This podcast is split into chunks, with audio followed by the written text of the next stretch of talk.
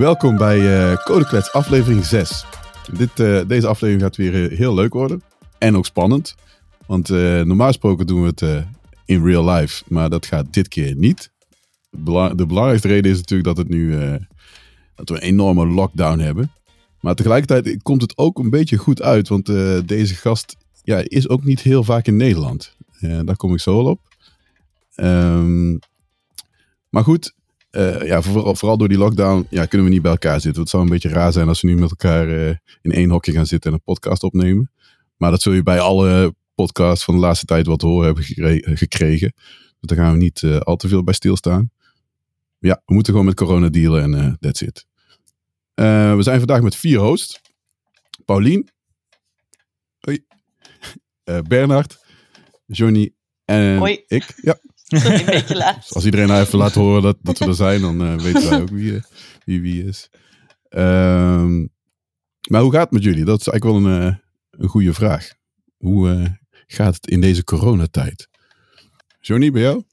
Um, ja, ik moet zeggen, het was heel even een beetje wennen in het begin. Um, zeker thuis werken zorgde er wel voor dat ik heel veel afleiding had. Ik ben dat zeker niet gewend. Ik deed dat af en toe één keertje per week, ja. maar Um, dus uh, de, ja, het huis is echt uh, spik en span. Dat is dan wel weer fijn uh, van, alle, van alle tijd thuis. Maar ik moet zeggen, de laatste paar weken gaat het wel steeds beter hoor. Het, het, het went. Ja. ja. En verder alles gezond. Dus nou, mag niet klaar. Ja, dat is wel klaar. belangrijk. Dat is sowieso het belangrijkste. Pauline, bij jou? Ja, ja voor mij is het eigenlijk alleen maar beter. Het is een soort. ja, ik moet nog wel werken natuurlijk. Ja, ja. Het is nog een soort ver, vervroegd zwangerschapsverlof. En, en wat ik er heel fijn aan vind, is dat ik uh, natuurlijk eerder voelde ik me een soort van verplicht om allerlei sociale dingen te doen. Die ja. dan vooral met, uh, waar dan vooral alcohol uh, oh, bij ja. hoorde. Maar ja, dan, dan ja. forceerde ik me, mezelf, mezelf maar een beetje om een uur erheen te gaan. En dan zat ik zo van, jezus, ik moet toch wel minimaal een uur blijven, weet je wel. Dus dat is ook zo leuk. En nu kan ik gewoon schuldloos schuldgevoelloos kan gewoon thuis blijven. Ik vind het heerlijk. Ja, ideaal. Ja. Maar uh, uh, qua zwangerschap, de controles en zo, of, of moet er, hoe gaat dat? Nou, dat is dat eigenlijk uh, voor mij een beetje hetzelfde. Ja. Mijn vriend kan niet meer mee. Maar oh, ja. ja. dus ik moet wel alles, niet de bevalling of zo, hoor, daar kan hij nog wel bij. Nee, maar, nee, maar controles en zo niet. Maar dat is niet zo'n groot issue. Um, en voor de rest, ja, als je, als je iets eerder in de zwangerschap bent, dan doen ze ongeveer drie kwart of zo van de controles nu telefo telefonisch. Maar omdat ik oh, okay. uh, nu in de laatste trimester zit, uh, moet ik alles nog persoonlijk. Uh, ah, oké. Okay. Ja. Maar ja, hm. het gaat allemaal wel voorspoedig. Ja, precies. Het is sowieso spannend en dan dit erbij is natuurlijk wel, ja, het is ja, weer extra dimensie. Nou, we, we hebben wel ja. ook een, een woning gekocht nu. Dat, oh, dat is heel raar. Ja, Oeh. dat is heel oh, raar. Ja, ja, wij ook. Wij hadden echt twee weken voordat een soort van lockdown was, hadden we getekend voor een nieuw huis. En toen achteraf hadden ze iets van, uh, crap. Dat, dat is misschien echt niet de beste timing. Maar goed. Ja, maar, maar jullie hebben ook ja. ja, vorige ja? week getekend. Vorige week getekend. En uh, deze gaat nu de verkoop in. En ja, er is, tot nu toe uh, is er nog weinig verschil. Ja, oké. Okay. Maar dat komt nou, allemaal nog wel. Maar hopelijk zijn we dat allemaal net voor. het is Amsterdam. Ja, ja, het ja, loopt De huizenmarkt in Amsterdam is echt, nou, echt bananas. Ik Nog zag steeds. laatst een, uh, ja, een huis staan, een hoekhuis. Op zich leuk. 2 miljoen, euro, 2 miljoen. Ja, dat moet wel Echt? in Zuid zijn. Ja, was een oud-Zuid Ja, inderdaad. Ja, Ja, zie je, Oud-Zuid is echt... het eh Oud-Zuid is echt gewoon... Mensen betalen daar letterlijk alleen om bij oud geld te zitten. De huizen zijn totaal het niet interessant. Locatie is niet interessant. Dat, dat is het. Nou, domme investering. Nee. Ja, nou ja, goed. Misschien, eh, ze zullen het waarschijnlijk terug kunnen verdienen. Maar eh, ik vond het opvallend. Nou. Echt, ja, voor 2 miljoen kun je heel mooi wonen eh, ergens anders in. Ja, maar Ou- Oud-Zuid is ook een plek die niet meer, die niet meer gaat, omhoog gaat. Dus ik snap het Ah, sowieso niet. Want dat, dat is al oud geld. Maar goed, development. Daar, daar gaan we ja, het ja, over. precies. Anders gaan we het over de maken we een makelaarspodcast. Ja. Anyway. Eh, ja, met mij gaat het op zich best ja, verder goed. Ik heb eventjes in het ziekenhuis gelegen. Dat is weer goed gekomen. Eh, maar het blijft spannend. Vanwege eh, mijn... ik heb een transplantatie nier ooit ontvangen. En daar moet je allerlei medicijnen voor slikken. En dan, ja, dat maakt deze situatie iets spannender dan voor anderen. Dus, dus ik, ik moet goed opletten. En dus dat maakt het allemaal ja, wat ingewikkelder dan bij de rest. Dus, maar de rest gaat het dan wel. Nice. Oké, maar we hebben ook een gast gelukkig. En die hebben we eerder proberen uh, uit te nodigen. Nou, hebben we eerder uitgenodigd, maar dat is helaas uh, door omstandigheden is dat niet gelukt. Want hij woont niet in Nederland. Hij woont in Canada. Dus dat is een, stukje uit de buurt. En om dan, ja, als hij dan in Nederland is, is het natuurlijk niet zo makkelijk om dan heel zijn agenda rondom codeklets te plannen. Wat, wel, wat hij wel zou moeten doen natuurlijk. Ik bedoel, dat zijn natuurlijk de belangrijkste podcast van Nederland. Dat, dat is wel waar. Maar uh, ja, de gast is uh, Bart de Water. En uh, welkom Bart. Goedemorgen. Oh ja, enorm tijdsverschil ja. Voor jou is het nu hoe laat? Het is nu bijna 9 uur s ochtends. 9 uur s ochtends, ja. Hier is het ja, bijna 3 uur. Dus dat scheelt wel, ja. Arme, nou, ben je, bij, arme ben je... Bart, moet je helemaal vroeg opstaan voor ons. Nou, ik heb, me, ik heb mijn eerste kopje koffie op, dus komt goed. Ja. nou, jij liever dan ik. ben je een ochtendmens of een avondmens? Ja, ik ben gewoon oud aan het worden en ik zit vast in mijn ritme. En kom de, ben erachter gekomen dat ik niet zo goed ben in uitslapen. Dus ik word gewoon uit mezelf... Uh, nou, in plaats van zeven uur word ik half acht wakker en dan heb ik uitgeslapen. Ah, cool. Lucky. Dat ideaal. Lucky. Uitsla uitslapen ken ik niet. Bij mij is het... Uh, ja, je mag blij zijn als je langer dan zeven uur... Tot, uh, na zeven uur s ochtends nog in je bed mag liggen. Dus dat ja, is een uitdaging. En dan moet je ook nog blij zijn dat er geen van je coaches je s'nachts nog een keer wakker maken. Dat gebeurt ook nog wel. Maar goed, dat, daar gaan we het nou niet over hebben. Bart, jij werkt voor Shopify. Ja, dat klopt. En dat, die, die zullen meer, meer mensen kennen. dus als je, zeker als je iets met e-commerce hebt gedaan, het zal, lijkt, zou het gek zijn als je niet weet wat, of wie of wat Shopify is. Maar daar komen we straks wel even op hoe we daar en uh, ik heb geen bio trouwens. Normaal gesproken laten we altijd een bio. Gaan we, lezen we voor. Dit keer niet. Dus we gaan je gewoon een aantal vragen stellen. En dan gaan we op die manier even erachter komen. wat jij allemaal doet okay, in het dagelijks leven. Ja. Even kijken. Nou wil mijn laptop gewoon. Die vertikt het om te scrollen. God, echt. Jongen. jongen. Ik geef echt Zencaster de schuld. Er gebeuren ja, rare, rare dingen mee, geloof ik. Ja, volgens mij neemt hij alles over. Toch maar Zoom, hè? de vorige keer Zoom, ja. anyway. Uh, ja, we, we, laten we eens beginnen bij hoe je... Want ik neem aan dat je softwareontwikkelaar bent. Dat is natuurlijk de belangrijkste vraag. Want anders uh, is het wel een heel rare, rare start. Nee, dat klopt. Dat, uh, ik klop nog steeds wel code. Ja. En maar hoe, hoe, hoe ben je zo... ja, hoe ben je erin gerold? Ben je gewoon van jongs af aan weet ik veel, vanaf je achtste of zo beginnen met softwareontwikkeling of op latere leeftijd? Ik heb eigenlijk vanaf heel vroeg af aan altijd wel iets van affiniteit met, met computers gehad.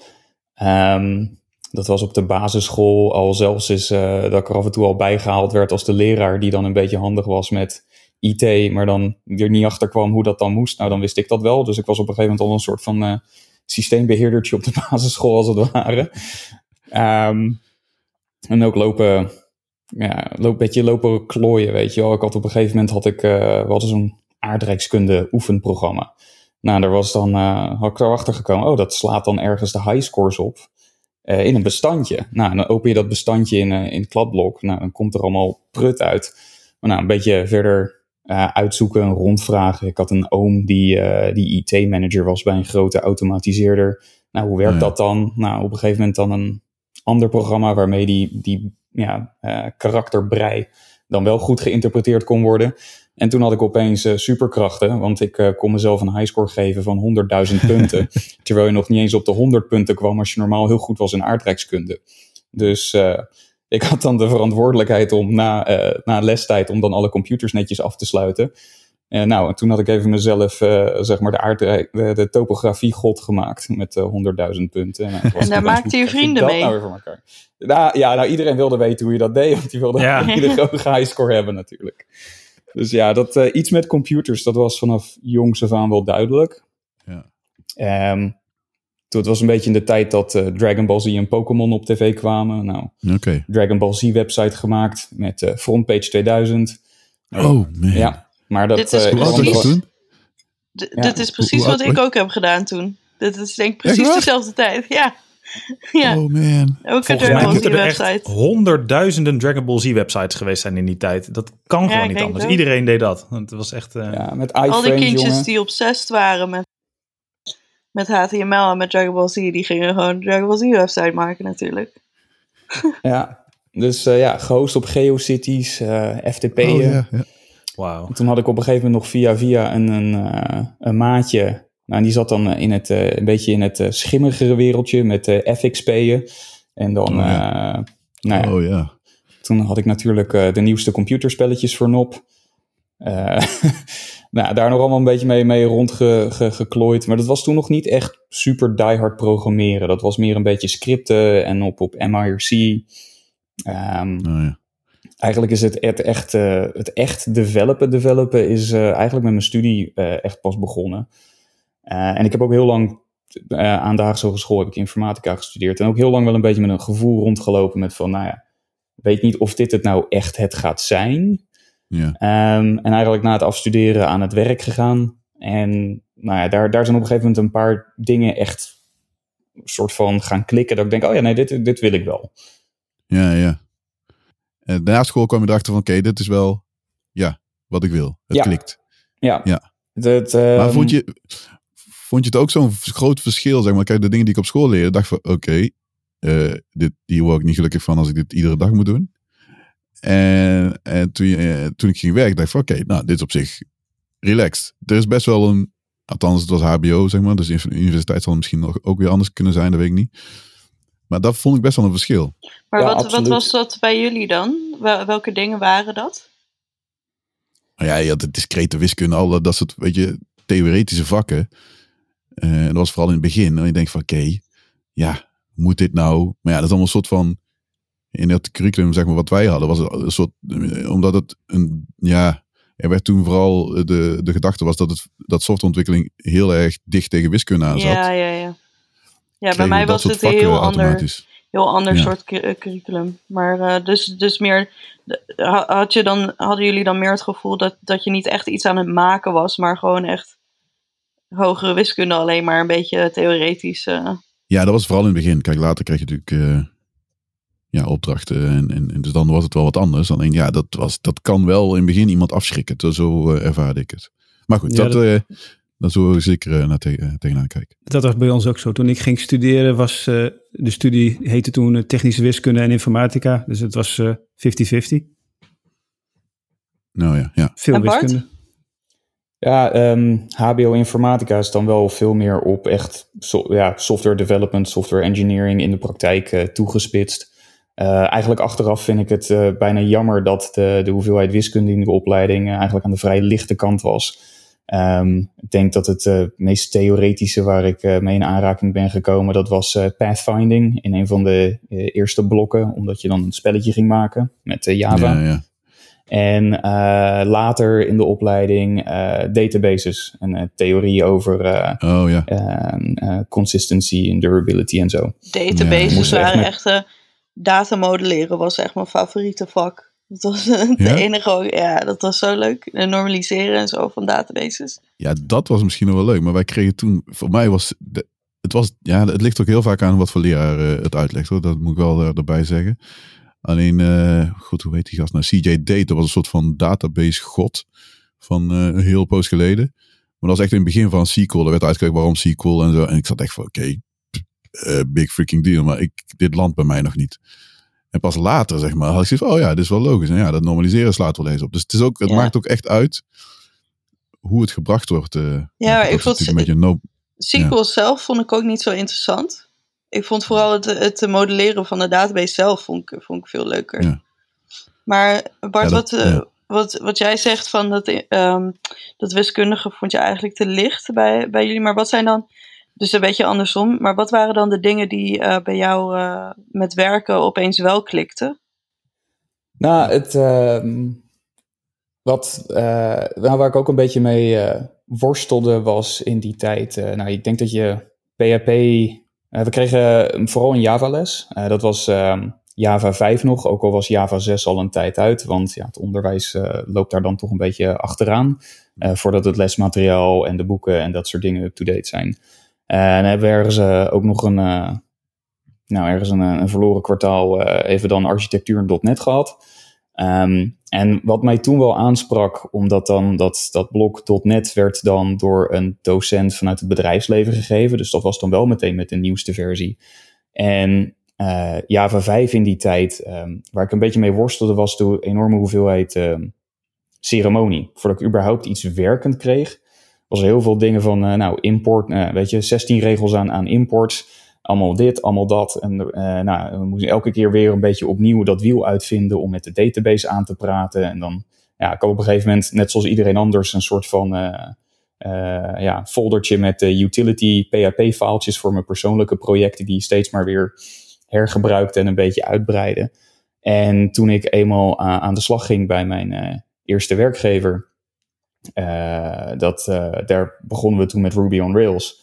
En dat was op een moment ja, een compleet kant-en-klaar pakket waar gewoon al dingen uh, ja, om op een bepaalde conventie gingen. En je dus niet zozeer met die ceremonie bezig was, maar meteen aan de slag kon met echt dingen bouwen waarvoor je eigenlijk überhaupt begonnen bent. En dat was een van die dingen dat ik dik klikte van, hè, waarom hebben ze dat nou nooit voor Java gemaakt of aan me uitgelegd of wat dan ook? Of uh, nou, voor PHP bleken er toen ook wel Rails clones te zijn. Uh, en maar dat maakte opeens de, de hele boel uh, dat klikt in mijn hoofd. Ik denk van, ja, dit had het eigenlijk al moeten zijn. En uh, dit voelt instinctief goed. Ik kon het alleen nog niet uitleggen, omdat ik het nog niet eerder had gezien. Maar dit was wel waar ik naar op zoek was.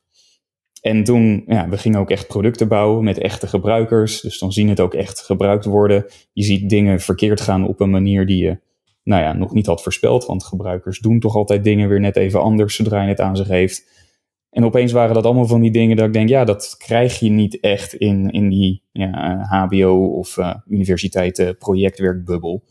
Um, weet je, alle problemen die je op je pad krijgt, dat zijn dan van die uh, gemaakte problemen die je docent dan naar je toe gooit, terwijl die in de rol van de klant of van de gebruiker kruipt. Dan krijg je van die absurde eisen dat je echt al denkt van, nou ja, donder op, weet je wel. Het ja, slaat toch helemaal nergens op. Ik, ik had het op een gegeven moment gewoon op de HBO. Uh, springen als een hondje. Um, je, je merkt op een gegeven moment heel erg dat een docent zoiets heeft van... oké, ik moet deze mensen een probleem voorleggen. Um, en dat probleem wat er dan verzonnen wordt... Dat, dat, ja, dan zit je echt zo van... ja, maar dat gaat nooit gebeuren in de echte wereld. Waarom moet ik dit nu oppakken in hemelsnaam? Een beetje dat soort dingen. En dat was voor mij inderdaad na de studie...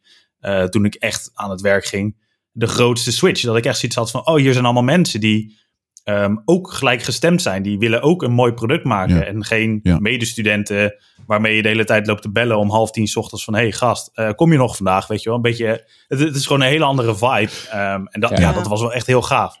Ja, en dan is het 11 uur s ochtends, dan bel je hem waar die is voor de afspraken. En ja man, ben net wakker, gisteren uitgegaan, zit nu te blowen. Ugh. Ik kan niet zeggen dat ik die jongen ook nooit geweest ben, uiteraard. Maar goed, ja. Nou, ik, ik, was, ik was dus zo eentje die heel slecht was met groepsprojecten. Uh, ik, ja. ik, was die persoon, ik was niet de, de persoon die zei van uh, ik ben nu aan het blowen hoor. Maar ik was uh, wel, ja. als, ik, als ik het over had kunnen doen. Maar die, die zelfverzonnen problemen, wij hadden wel echt, echt soort van tussen aanhalingstekens klanten dan voor, eh, voor projecten. En dat, was dan, dat werd dan ook helemaal zo gepresenteerd van, ja, dit is een echte klant en uh, dit gaat ook echt, uh, bla bla bla, dit gaat ook echt gemaakt worden en echt gebruikt worden. En hur, hur. Maar alsnog was het altijd zo half-assed. Want, want niemand, niemand in, in zijn right mind, als ze echt iets nodig hebben, gaat, gaat bij een hogeschool aan, aan, aankloppen en zegt van, hey, kunnen jullie studentjes iets, uh, iets voorstellen en iets voor mij bouwen, weet je wel. Dan weet je al gewoon dat, uh, dat is echt een soort van bijding, wat toch nooit serieus genomen wordt. Dus het was altijd, ja, het, het werd ook altijd uh, helemaal niet logisch en, en gewoon een half afgemaakt. En ja, ik, ik was ook niet zo van, van het schoolwerk. Pas met, met echt werken serieus, begon ik het serieus te nemen ook. En het proces eromheen ook. Want uh, agile was toen nog een, uh, nou, een soort van uh, vies woord. Weet je, we kregen vooral. het was RUP en de kleine Prins 2. Prins 2. En allemaal Prins van die. 2, ja, oh. Ja. allemaal boekjes, processen en eindeloze documenten opleveren. Echt En-. ML-diagrammen tekenen. Ja, Maar ook en, eh, de, nou, de en, dat- en dat was dus al die planningsfase. ceremonie waar ik gek van werd. Ja, vreselijk was planningsfase. dat. De planningsfase, de ontwerpfase, de implementatie. Ja, ja. Zo heel erg waterval, maar dat ja, liep ze zo mee achter. Ja, dat is echt, volgens mij is dat manier van le- lesgeven. En dat, dat is ook, ehm eh Feline had het er volgens mij ook over bij me met Neus op tafel, over ehm, ja, hoe leren mensen eh, programmeren. En dat het eigenlijk best wel moeilijk is, want je krijgt natuurlijk, er gaat iets mis en dan krijg je allerlei rare foutmeldingen. En sommige mensen haken dan gewoon meteen af. Terwijl ze misschien best wel geschikt zijn om te programmeren. Dus dat leren van programmeren en het moet, net dit wat je op de hogeschool en universiteit krijgt in het begin. Dat zijn echt dingen die je denkt van oké, dit schrikt me gewoon af. Ik, ik heb hier gewoon helemaal geen zin in. Dit slaat echt nergens op. Dus volgens mij die, het opleiden en voorbereiden op het werk wat wij, tenminste denk ik de meeste van ons doen.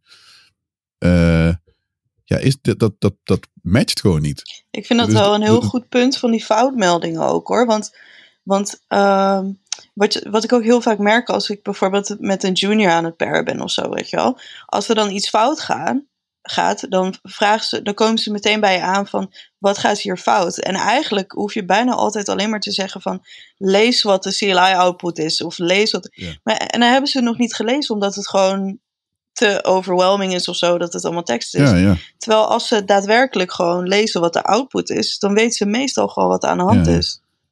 Ja, dat, dat, dat ook. Maar het is, het is voor een leek is het best wel, ja, het schrikt gewoon af. En je denkt, oh, oké, nou is alles kapot. Ja, dat, ja. het moet ze gewoon verteld worden. Ja, precies. Dus Ja. zijn- nou goed, ook, maar goed, dat is de verliezen, zeg maar, eh, die daar ook van aangaf van ja, er zijn wel programmeertalen waar ze aan werken, waar die, ja, die meldingen wat, wat eh, vriendelijker zijn, zeg maar. Zodat er in theorie dus meer mensen aan kunnen haken die programmeren. Ja, en het is natuurlijk zo dat die foutmeldingen, die hebben het eigenlijk, die foutmeldingen hebben het nooit mis. het is nooit zo dat die foutmeldingen, weet je, dan zie je een foutmelding op je scherm je, ja, dat kan niet, maar het klopt altijd. Dus ja, je moet ja, beter, ja, maar dat goed klopt, lezen. Ja. Maar ja, Ja, je kan het natuurlijk wel altijd vriendelijker maken. Want we hebben natuurlijk ook allemaal wel een keertje gehad dat er staat error. En dan een errorcode. En verder niks. En ook nergens waar je dan Ja, die errorcode kan opzoeken of wat dan ook. ja, je moet blij zijn dat je nu Google hebt. Van vroeger had je gewoon, dat was het, zeg maar. Dan had je een, een of andere vage hexcode en dat was de error en succes. Wat ik ook heel chill vind is dat er, dat er dan staat... Oops, something went wrong. Oepsie. Ja, ja, ja. Is van, ja, bedankt voor deze leuke speelse tekst waar ik echt geen flikker aan heb. Ja, dat weet ik, maar dat zou ik gewoon crashed schrijven. Ja, dat is ook wel een goeie. Je hebt toch Dat ook zou ik kunnen zo'n schrijven. je hebt ook zo'n meme toch van eh, dat, dat mensen werden op een gegeven moment een beetje gek van al die browsers en zo die allemaal zo hihi we did a oopsie woopsie en dat soort dingen. Maar ja, wij softwareontwikkelaars zijn super serieus. Altijd. Ja, eigenlijk moet je dan de error message gamification, ja, een beetje gamification op toepassen of zo. Als je een eh, kindvriendelijke programmeertaal aan het ontwikkelen bent. Dus elke keer als je een error hebt, dan krijg je eerst een spelletje en dan, dan pas de stack Mag je, trace. ja, ja, ja.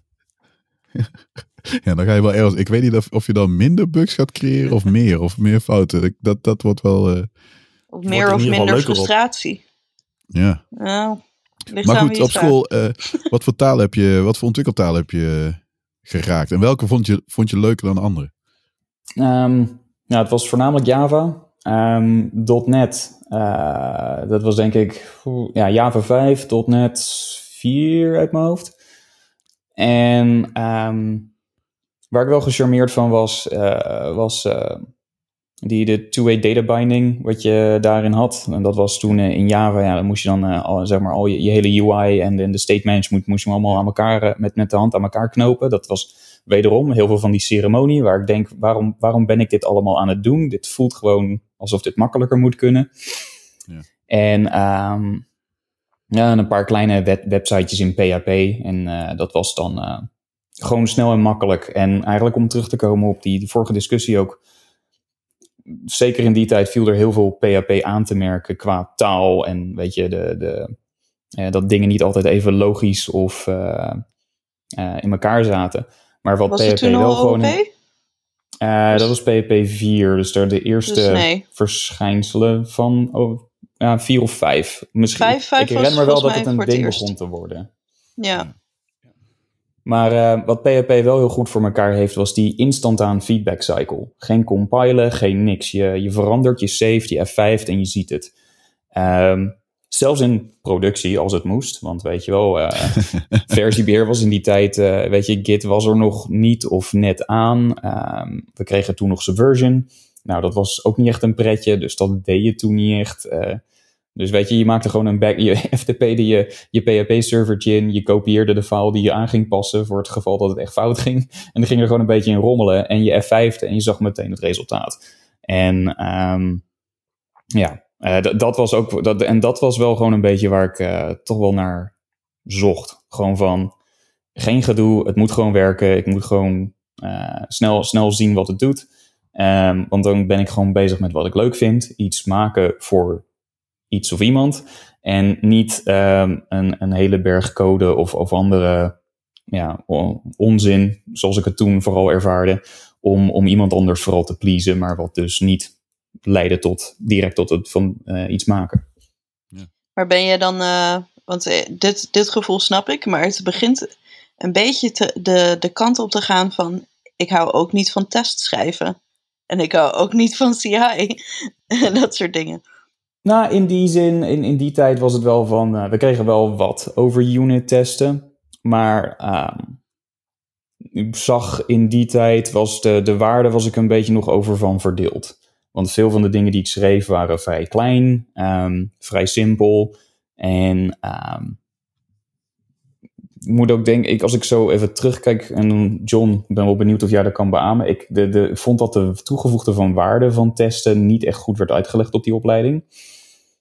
Nee. Um, ook dat was pas een dingetje dat eigenlijk op uh, zeg maar mijn, uh, mijn eerste stage een beetje begon te klikken. Waar ik gewoon, uh, ja, weet je, er was een team van nou, weet je, een team van, nou wat was het, tien developers of zo, paste niet meer met elkaar in een kamer. Merkte we, mensen werkten echt op verschillende onderdelen die wel van elkaar afhankelijk waren. De, de, de, de, de business cases die gesupport moesten worden waren ook complexer. En uh, ja, weet je, dan opeens testen en ook de manier waarop die testen werden geschreven. Uh, meer met een, uh, bijvoorbeeld cucumber specs, echt met een focus op die use case denk, oh wacht, ja, dat is wel logisch. En ja, met CI en uh, ja, dat was, ze was toen nog een beetje nieuwig. In plaats van dat er werd niet een dagelijkse, een nachtelijkse beeld gedraaid, maar er werd continu op pull requests werden er beelds gedraaid. En als het naar master werd gemerged, werd er weer een beeld gedraaid, continu. Ja, wacht. Maar ook van die dingen die toen pas een beetje begonnen te klikken vanuit de theorie, uh, toen ik het in de praktijk zag. Ja, ja we kregen een. Dat we kregen een boek J-unit testing, geloof ik, uh, op de Haagse Hogeschool erbij. En ja, dat ging echt alleen over, uh, over de unit tests. En er werd, ja, ik kan beamen inderdaad wat je zei, er werd heel weinig uitgelegd over het soort grotere plaatje. Waarom is testen nuttig? Waarom moet je testen? Op welke plek in de volledige development cycle is testen handig? En wanneer komt het ook echt uh, van pas? En ja, het werd alleen uitgelegd als ja, hier heb je code en je moet zeker weten dat het werkt.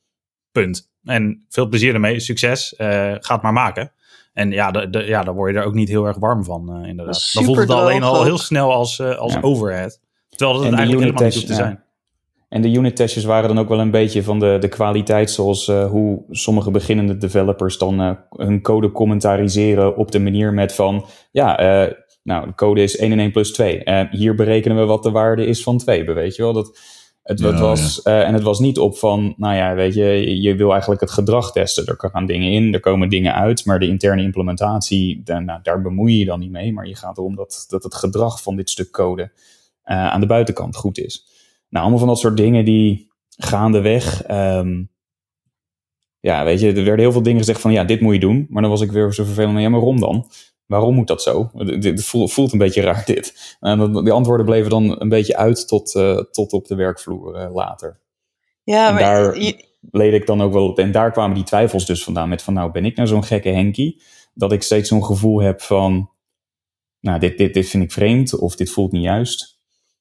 Ja, je hebt in het onderwijs denk ik ook best wel weinig mensen die dat goed kunnen uitleggen. Ze, ze weten, ze hebben stof ze weten dat ze die moeten uitleggen, maar zeg maar de theorie, dus zeg maar net zoals dat, dat boek waar je het over hebt, van oh, we leggen uit wat unit testing is en hoe het moet. Maar ehm, zeg maar echt die, die, ehm, die opinionated dingen waar je het over hebt. Van waarom eh, is dit zo? Van wat zijn de consequenties als je het niet doet? Dat zijn dingen die je echt alleen maar op, eh, op conferenties en zo tegenkomt. Van mensen die, die, eh, die daadwerkelijk met het werk bezig zijn. En dan zijn er nog heel veel verdeelde meningen en weet ik het allemaal. Dus die, die mensen krijg je gewoon niet in het onderwijs. Dus dat ga je nooit goed krijgen, denk ik. En Bart, mag ik dan vragen hoe dat was toen je bij Shopify terecht kwam? Kwam je toen in een hele nieuwe omgeving waar dat ook werd gebruikt? En je, kende je dat? Of? Ehm, ja, nou even kijken. Dan, uh, na, mijn, uh, na mijn opleiding ben ik bij, uh, bij Digidentity in Den Haag begonnen. Um, en daar werkten we dan aan een single sign-on service voor de Britse overheid. En nou ja, dat is, waren, ze, waren ook, ze zijn ook een certificaatautoriteit. Nou, dat is natuurlijk security, staat daar heel hoog in het vaandel. Um, dingen uh, moeten gewoon getest worden, punt. Uh, weet je wel, regelmatige security pen testen, maar ook uh, ja, unit testen, weet je ook allemaal code kwaliteitstools, code coverage tools. dat, dat stond daar heel hoog in het vaandel, dus daar heb ik het, een hoop van dat soort dingen geleerd, maar dat ook dus inderdaad in de praktijk het klikte. Wat vooral voor mij het verschil was, even kijken, en daarna ben ik een, heb ik ongeveer anderhalf jaar lang freelance gewerkt. Um, maar wat voor mij echt nieuw was toen ik naar Shopify ging, was de, de gigantische schaal.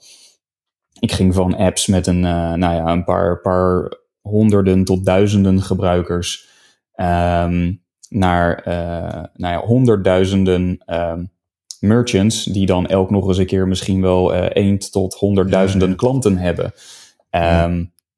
En ja, software at scale heb ik daar wel echt geleerd, zou ik zeggen.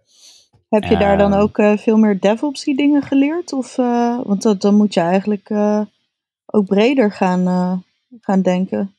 eigenlijk minder juist. Want als oh, je op een gegeven moment een bedrijf hebt dat zo groot is, heb je meer specialisatie. Um, dus we, we hebben een, een team dat dus, we draaien tegenwoordig op Google Cloud, maar daarvoor op, um, op bare metal. En er is gewoon een, een team dat ervoor zorgt dat uh, de, de nitty-gritty van deployments uh, en uh, nou ja, meer of minder servers, dat is gewoon al weggeabstraheerd. We hebben eigenlijk een soort van interne cloud-infrastructuur. En dan kan ik gewoon zeggen over deze applicatie, oh, die draait nu op vijf replica's, maak er maar even tien van, want ik verwacht topdrukte. Oh, maar daar, daar heb je dus wel um, controle over. Want wat ik me dan afvraag, in zo'n grote organisatie, wij struggelen daar nog wel eens mee met... Um, met, met hoe de teams, uh, hoe het werk van de teams is uh, uh, verdeeld en die bounded context en zo. Um, dat je dan als team bijvoorbeeld moet kunnen beslissen van hé, hey, ik wil hier een microservice van maken. Weet je wel, ik wil daar de infrastructuur voor hebben. En hoe, hoe organiseren jullie dan dat dat kan gebeuren? Moet je dan eerst naar dat andere team toe om dat aan te vragen en dan weer wachten tot zij tijd hebben en dat nee. soort dingen? Of... Het is, uh, Shopify is wat dat betreft uh, best wel georganiseerde chaos. En uh, daar moet je wel een beetje mee om kunnen gaan. Um, er zijn, we hebben dus die, we hebben bijvoorbeeld een aantal teams, Developer Acceleration, die dus de developer tooling bouwt, zoals een, shared CI infrastructure, een, een cloud infrastructure team, die eigenlijk dus een soort van interne platform as a service-achtige dingen aan kan bieden. En stel je voor dat wij besluiten, uh, ik geloof dat ik nog niet gezegd heb dat ik op payments werk, uh, maar ja, ik verzorg mhm. dus uh, betaaldingen bij Shopify. stel dat wij zeggen, oh, we hebben een nieuwe applicatie nodig omdat we iets nieuws gaan bouwen. En dat gaan we niet in de grote monolithische Shopify app bouwen, maar dat gaat in, de, gaat in een losse app, want om reden A, B en C. Nou, dat documenteren we dan in een, een zogenaamde tech design. Is één GitHub repo en daar worden al uh, jarenlang worden alle tech designs daarin uh, als issue geopend. En dan is van, nou, wat ga je bouwen? Uh, waarom ga je het bouwen? welke designkeuzes heb je gemaakt? Wat waren daarin de afwegingen? En wie zijn de stakeholders die jij moet betrekken bij je tech design review? Um, nou ja, goed, nou, payments gerelateerd. Ik wil waarschijnlijk wel iemand van um, security erbij hebben voor een extra paar ogen.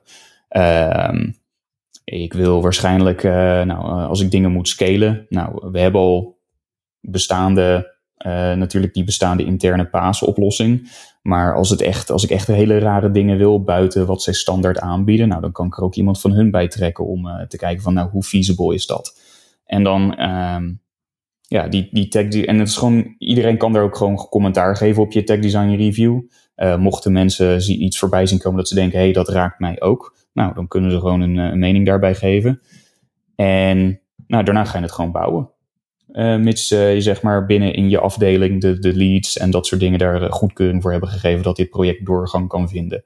Maar verder um, is daar niet echt een onwijze strakke procedure voor. Behalve een aantal vuistregels die ook de interne bedrijfscultuur ondersteunen. We hebben interne default to open internally. Dus ja, alle tech designs zijn daarom over het hele bedrijf heen gewoon openbaar. Dat is wel cool. Ik was gemute. ja. En kan je nog een paar vuistregels noemen? Dat vind ik uh, wel leuk om te horen. Ja, uh, een andere waar ze uh, ook heel erg mee bezig zijn is build for the long term. de CEO zegt vaak van we willen dat dit een bedrijf is dat 100 jaar oud wordt. Dus, Toby. ja, Toby inderdaad. Um, dus weet je, maak, maak beslissingen die uh, in de lange termijn goed zijn voor het bedrijf en niet alleen maar voor de, de korte termijn uh, winst. Um, get shit done. Uh, dat is heel kort samengevat met van, ja, weet je, niet te veel ouwe hoeren vergaderen of dat soort dingen. Uiteindelijk moeten er gewoon dingen opgeleverd worden. en dat is natuurlijk dan wel een beetje een, een afweging tussen die twee. Want ja, get shit done, tuurlijk, maar dan niet op een manier dat je er zeg maar uh, over, over een jaar al spijt van krijgt dat je het zo hebt gedaan. Ja, dat is een balans die er heel veel uh, niet helemaal goed krijgen natuurlijk. Ja. En dan kan de ene kant naar de andere vuistregel wijzen en uh, dan kom je nergens. Ja, maar oké. Okay. Maar dat wel, het is wel goed dat de CEO in ieder geval zegt van hé, hey, doe het voor de lange termijn. Ja. Dat, dan krijg je daar een soort van rust, zeg maar.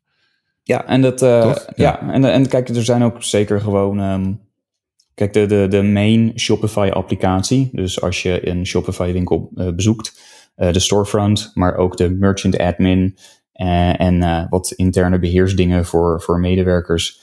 dat is één grote Ruby on Rails applicatie die al, nou, zijn is begonnen in 2006, dus um, al 14 jaar wordt doorontwikkeld.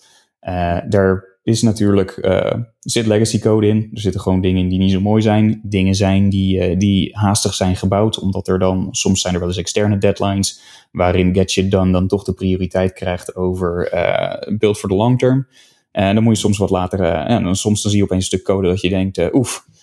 En dan kijk je git blame. Oké, okay, ja, um, dit is in 2010 geschreven. Oké, okay, ja, als dit al sinds 2010 draait, ja, oké, okay, misschien ja, uh, is dat dan inderdaad. Uh, aan de andere kant, als het al tien jaar zo draait, heeft die code het Ja. op zich ook wel prima gedaan, weet je wel. Dan dus het ja, dat is niet ja. erg. Ja. Ja, dus dat- zo dat erg vind ik ook altijd-. Dat vind ik ook altijd zo mooi als mensen bugs gaan reporten. Van, en dat het dan, oh mijn god, ik heb een bug ontdekt. Ah, en eh, dat het dan he- als heel kritisch wordt ervaren. En dan kijk je hoe lang eh, die bug al in productie is. En heel vaak is het dan dat het gewoon al letterlijk jaren erin zit. En Ja. dan denk ik ook van, ja, je kunt wel doen alsof het heel ernstig is. Maar blijkbaar is het niemand jaren opgevallen. Dus ja, klopt. Ja, dat heb ik ook heel vaak. Dus ik ben sowieso, eh, ja, ik noem dat een beetje de Reagan aanpak. Dit is echt Ronald Reagan, dat is schijnbaar een verhaal. Eh, wat er gebeurde, hij lag, eh, lag, nou, lag je te slapen, zeg maar. Dan werd er gebeld door een of andere, weet ik veel, een minister of zo. Van, hé, hey, paniek. Dan nam Nancy Reagan nam de telefoon op. En dan, ook al was hij iets aan het doen, of hij was wel beschikbaar, dan zei ze altijd van, nou nee, hij is, hij is aan het slapen. En dan, eh, ja, maar het is wel belangrijk. Nee, maar hij slaapt nu, dus ik kan hem echt niet wakker maken. Nou, en dan wachten ze even, dus dan weet drie, vier uur verder. En dan was hij echt, als, hij echt had geslapen, was hij wakker geworden. En dan, daarna was het probleem weg. De urgentie is er dus gewoon niet altijd. En dat merk ik bij softwareontwikkeling ook heel vaak. Met, met dit soort bugs of, of een bug. Oh nee, paniek. Dat kan niet, want oh, alles stort in. En het zit er al tien jaar in of vijf jaar in. Denk je, ja, oké, dat kan nooit urgent zijn. Weet je, ik bedoel, eh, Ja. ja. tenzij het een security bug is of zo.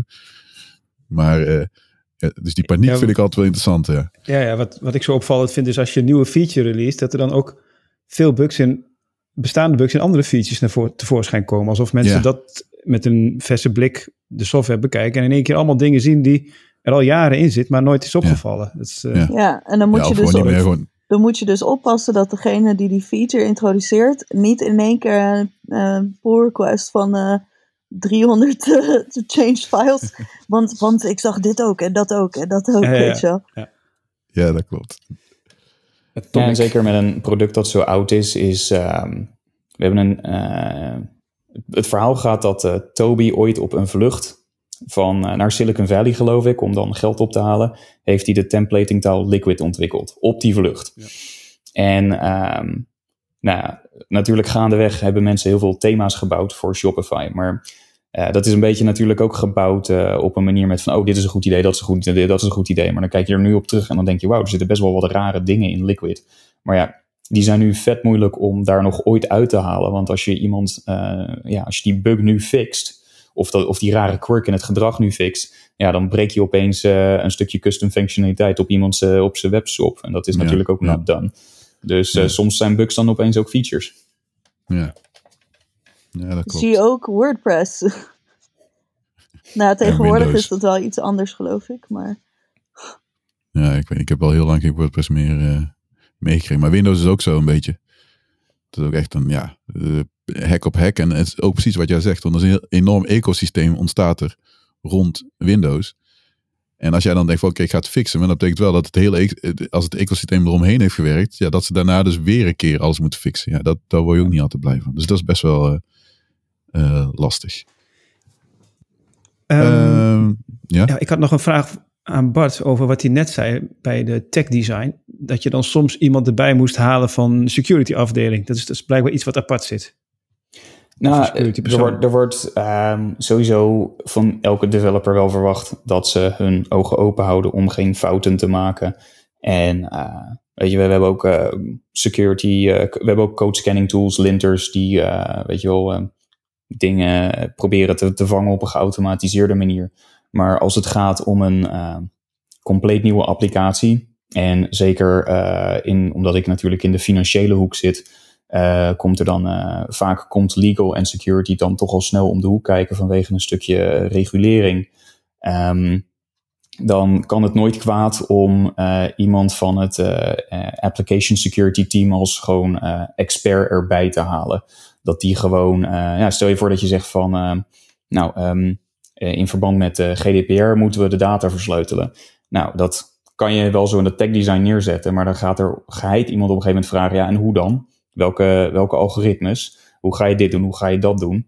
Nou, en dan kom je natuurlijk al wel op een stukje eh, technische materie terecht. Dat jij zo zegt van, eh, nou, ik doe AES eh, 128 CBC. En dan zou die security expert kunnen zeggen, maar met van, ja, maar wacht even, je gaat dit verzenden over het internet. En je doet verder geen ehm, eh, integriteitscheck. Eh, ben jij dan eh, ja, AES CBC zonder dat je er ook nog een, eh, een, een verificatiestap overheen doet, is kwetsbaar voor bepaalde aanvallen en dus niet zo veilig Mhm. als dat je denkt. Nou ja, dat is dan wel weer zo diep op bepaalde materie in, dat kan je dan weer niet van elke developer verwachten dat ze dat zo Nee. even op kunnen hoesten. Dat snap ik wel. Ja, een aantal dingen kun je wel automatiseren, een aantal dingen ja, juist niet. En je moet volgens mij ook, ik weet niet hoe dat bij jullie is, maar eh, ja, security eh, specialisten moeten ook met een half been aan, ook een gevoel hebben voor wat er aan de donkere kant gebeurt. Ja. Eh, dus dat is ook nog wel, eh, eh, ja, dat je dat bij moet houden. En dat kun je van een algemeen ontwikkelaar, kun je, ja, denk ik niet verwachten. tenminste, dat is, niet, dat is mijn mening. Ja, zeker niet ook als je natuurlijk de aantallen hebt die ze bij Shopify hebben. Want ik weet niet, Bart, hoeveel eh, developers er nu in, die, in diezelfde applicatie werken. Maar dat zijn er geen tientallen, dat gaat meer in de honderden. Dus ja, Ja, ehm, eh, wat is het, geloof ik. eh, dan moet ik even nadenken wat het officiële nummer is dat ik mag vertellen. Maar dat was geloof ik eh 400 ontwikkelaars in, in één applicatie. ja. Ja, dat is even... ja dat vraagt wel om hele andere maatregelen dan... eh, Ja, heel veel, heel veel dingen automatiseren inderdaad. Eh, en ook ehm, als je eh, we leunen heel erg vaak op dingen ook deprecaten in onze eigen codebase. Met van, nou oké, we maken nu een lijst van eh, alle 100 plekken waar deze deprecated code call wordt gemaakt.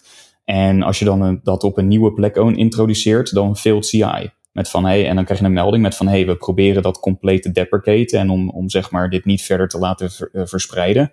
Ehm, zetten we dit, eh, hebben we dus dit ge- geblacklist, of een geshitlist noemen we het. En eh, voeg geen nieuwe dingen aan de shitlist toe, AUB. Eh, mocht je er echt niet omheen kunnen werken, kom dan met ons praten in dit Slack-kanaal. En dan gaan we proberen een oplossing te vinden.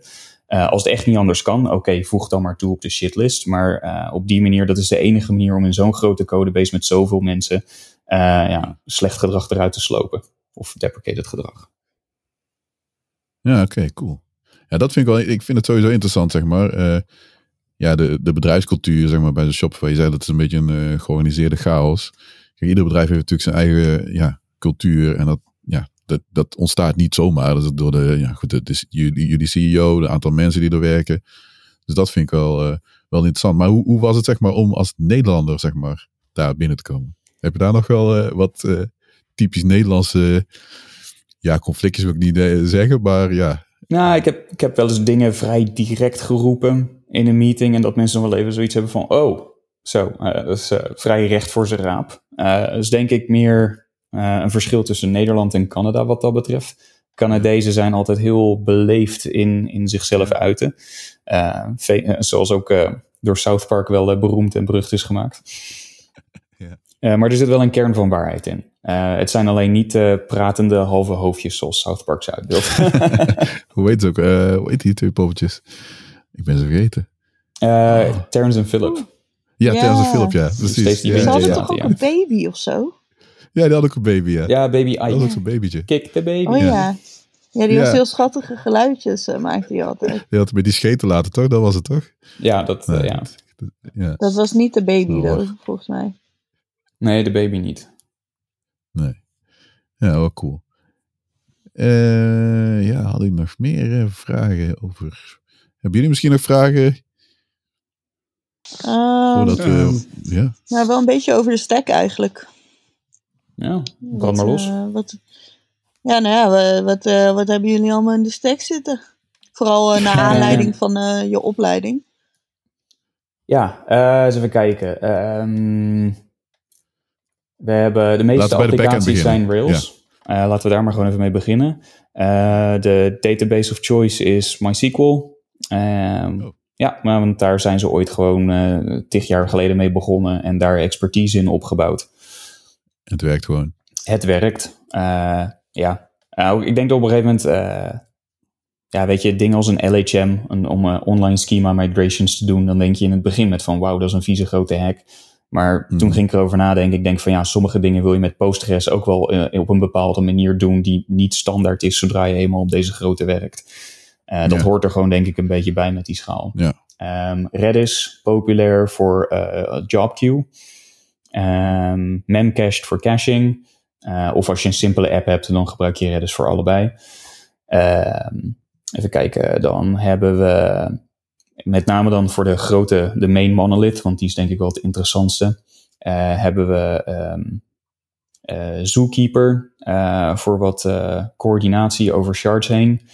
En de routing gebeurt met Nginx met een aantal eh, custom eh, Lua-modules in OpenResty. Dus ehm, je moet het eigenlijk even heel simpel zien dat ehm, een shop die heeft een eh, ID, de shop ID. Ehm, die staat op een bepaalde shard. En we kunnen ook shops heen en weer moven als dat nodig is voor wat een reden dan ook. Ehm, Mhm. ja, er is dan wat eh, custom MySQL tooling voor, om dus ervoor te zorgen dat de state van de shop eh, van de eerste shard en op de tweede shard, ehm, nou ja, zeg maar voor 99,9% over is gekopieerd. En dan is er een Hmm. cut-off moment waarin dan ook op de routinglaag eh, wordt gezegd van nou, shop 1, 2, 3 draait nu op shard 2. Eh, en dan wordt die laatste data gebackfilled. En dan op shard 2 wordt er dan een, een, een eh, dingetje geflipt met van oké, deze shop mag nu op deze shard ook echt writes acties doen en niet alleen maar leesacties. Cool. Ehm, en we hebben ook her en der nog wat, eh, wat Go-services eromheen om bepaalde dingen te doen waar de concurrency en de latency belangrijker zijn dan, de, dan Ruby schrijven. Ja, dus dat is een ja. beetje de trade-off. De meeste dingen schrijven we gewoon in eh, Ruby en Rails, omdat daar, eh, daar werkt gewoon bijna iedereen in het bedrijf wel mee. Dus dat maakt het makkelijk om mensen heen en weer te switchen. Ehm, Go is dan een beetje de, de default eh, taal om dingen op schaal en concurrency in mee te doen. En daarna is het zo van, nou, kunnen we dit echt niet op een andere manier doen? Eh, en dan komt bijvoorbeeld Nginx en Lua uit. Maar ja, de, de, hoeveelheid mensen die Lua bij ons kunnen schrijven versus Ruby, dat zijn wel een paar orders van grote verschil. Ja, dat geloof ik al, ja. En van oudsher is natuurlijk Ruby en Rails, die zijn, ja, worden een beetje bestempeld als niet de meest snelle applicaties. Uh, hoe, hoe werkt dat bij jullie? Want ja, jullie hebben wel zoveel gebruikers. Het is één grote applicatie. Hebben jullie, ervaren jullie dat ook? Of is daar. Uh... Ja en nee, zou ik zeggen. Um, nee, omdat we, uh, nou, weet je, toch wel dingen hebben geleerd die. Uh, om, om Ruby en Rails te schalen tot wat het nu is. Um, ik bedoel, het is natuurlijk een beetje een meme die door Twitter in het leven is geroepen. Want Twitter was ook ooit in Rails geschreven. En uh, toen was het in de tijd dat je heel vaak de fail zag. En toen zijn ze, hebben ze eigenlijk Twitter herschreven in, geloof ik, Java. Maar wat ze er dan niet zo heel erg bij vertellen, is dat ze ook meteen de complete architectuur hebben omgegooid. Ja. Dus, uh, maar dan is het wel heel vaak van, ja, kijk, uh, zie je, Rails was traag, um, Java is snel, kijk maar naar Twitter. Ja. Um, ja, als, als, als ze zeg maar niet van taal waren gewisseld, maar gewoon ook hun architectuur hadden verbeterd, dan waren ze misschien wel op Rails gebleven. Dit is een beetje hetzelfde verhaal als met PHP. Dat is ook, uh, nou ja, er zijn natuurlijk redenen waar, waarom mensen uh, bepaalde dingen vinden, maar met PHP is het ook tot op zekere hoogte zo dat, dat het gewoon een heel groot verschil maakt uh, in hoe je het schrijft. Ja, absoluut. Uh, en kijk maar naar Facebook, weet je wel, dat Facebook is op een gegeven moment ook zo groot geworden dat zij op een gegeven moment PHP als taal helemaal naar hun eigen hand zijn gaan zetten. Nou, wij hebben ook een, mensen die um, actief bijdragen aan, aan Ruby zelf om dingen proberen te vinden om het sneller te maken of geheugengebruik terug te dringen of wat dan ook. En dat gaat dan ja, echt precies. diep op C in met van, nou ja, hoe groot moet deze C-struct zijn om dit uh, Ruby-object te representeren. En als we daar nou 16 bytes vanaf kunnen schaven, dan op een, uh, op een Rails-app met honderdduizenden objecten is dat opeens weer een paar MB minder. Maar dat is het echt. Ja, echt zolang, je niet, zolang je het niet he hebt over echt die low-level low performance optimi uh, optimalisaties, moet je gewoon je bot houden. Want het is, Ja, ja. ja, niemand, niemand heeft het daarover, toch? Zo van, oh ja, maar het is een langzame taal. Ja, ga je toch lekker uh, fucking machine code schrijven, joh. Ik denk dat er weinig problemen zijn waar mensen echt, echt dat soort harde latency eisen hebben. Misschien als je, nou weet ik veel wat, een, een Zencaster clone zou bouwen of zo. Precies. Ehm, Een goeie. Maar eh, e-commerce. Dat is een heel goeie. eh, ja, maar e-commerce is op de schaal van eh, een paar honderd milliseconden, weet je wel. En tuurlijk, onder load ehm, is het heel fijn als je daar eh 10, 20, 30 eh, milliseconden vanaf kan schaven. Maar ehm, over het algemeen is het gewoon is het snel genoeg. Ja, nemen jullie nog speciale maatregelen als het eh, Black Friday wordt of zo? Dingen uitzetten of juist niet? Eh, nou, juist geen dingen uitzetten. Zetten we liever een paar dingen bij. Ja, ja, ja, precies. Maar Ja, nee, eh, we hebben in de aanloop naar Black, Black Friday is altijd onze traditioneel piekmoment. Want Noord-Amerika is natuurlijk wel eh, nog steeds onze, onze kernmarkt. En in de loop naar Black Friday toe ehm, gaan we game days houden. Dus we, we, doen load testen op onze productieinfrastructuur continu. We hebben gewoon een, we hebben een load testing tool die eh, echte checkouts doet op een productieshop. Ehm, en eh, die draait standaard elke week om er gewoon voor te zorgen dat we zeker weten dat er eh, geen regressies zijn. Maar eh, naarmate Black Friday binnenkomt, dan, eh, dan, dan voeren we die nog eens een keer op. Dan gaan we twee keer zo zware load testen als dat we normaal wekelijks doen, tot wel vijf keer. Ehm, we testen noodscenario's. Wat als eh één datacenter helemaal eh, stuk slaat? Nou, dan gaan we ook gewoon echt live shops compleet migreren naar een ander datacenter. Gewoon om te kijken, werkt alle tooling nog? Zijn alle draaiboeken nog up-to-date? Zijn mensen er bekend mee? Zodat ze weten in een, in een stressvolle situatie eh, dat ook goed te doen. Eh, en eh, ja, en natuurlijk gewoon opschalen. Hè? Meer, meer VM's, meer, meer geheugen, meer alles. ja, En, en, in, en natuurlijk in de weken, eh, er wordt ook gewoon in ieder team gevraagd, ga nou geen grote features nog lopen shippen in, eh, in twee weken voor Black Friday. Ja, A, precies, omdat, dat bedoel ik met dingen niet doen. Ja, oké. Ja. ja, weet je wel, A, om merchants een workflow niet opeens om te gooien op het laatste moment. maar natuurlijk ook voor systeemstabiliteit. En dan echt in de week naar Black Friday toe, dan moet je toestemming krijgen van, de af de, van de, het hoofd van jouw departement. Dus dat is dan best wel iemand hoog in de boom. Die moet gewoon echt zeggen, die moet goedkeuring geven met van oké, deze fix moet echt geshipped worden. En anders als je die goedkeuring niet krijgt, dan wacht je maar.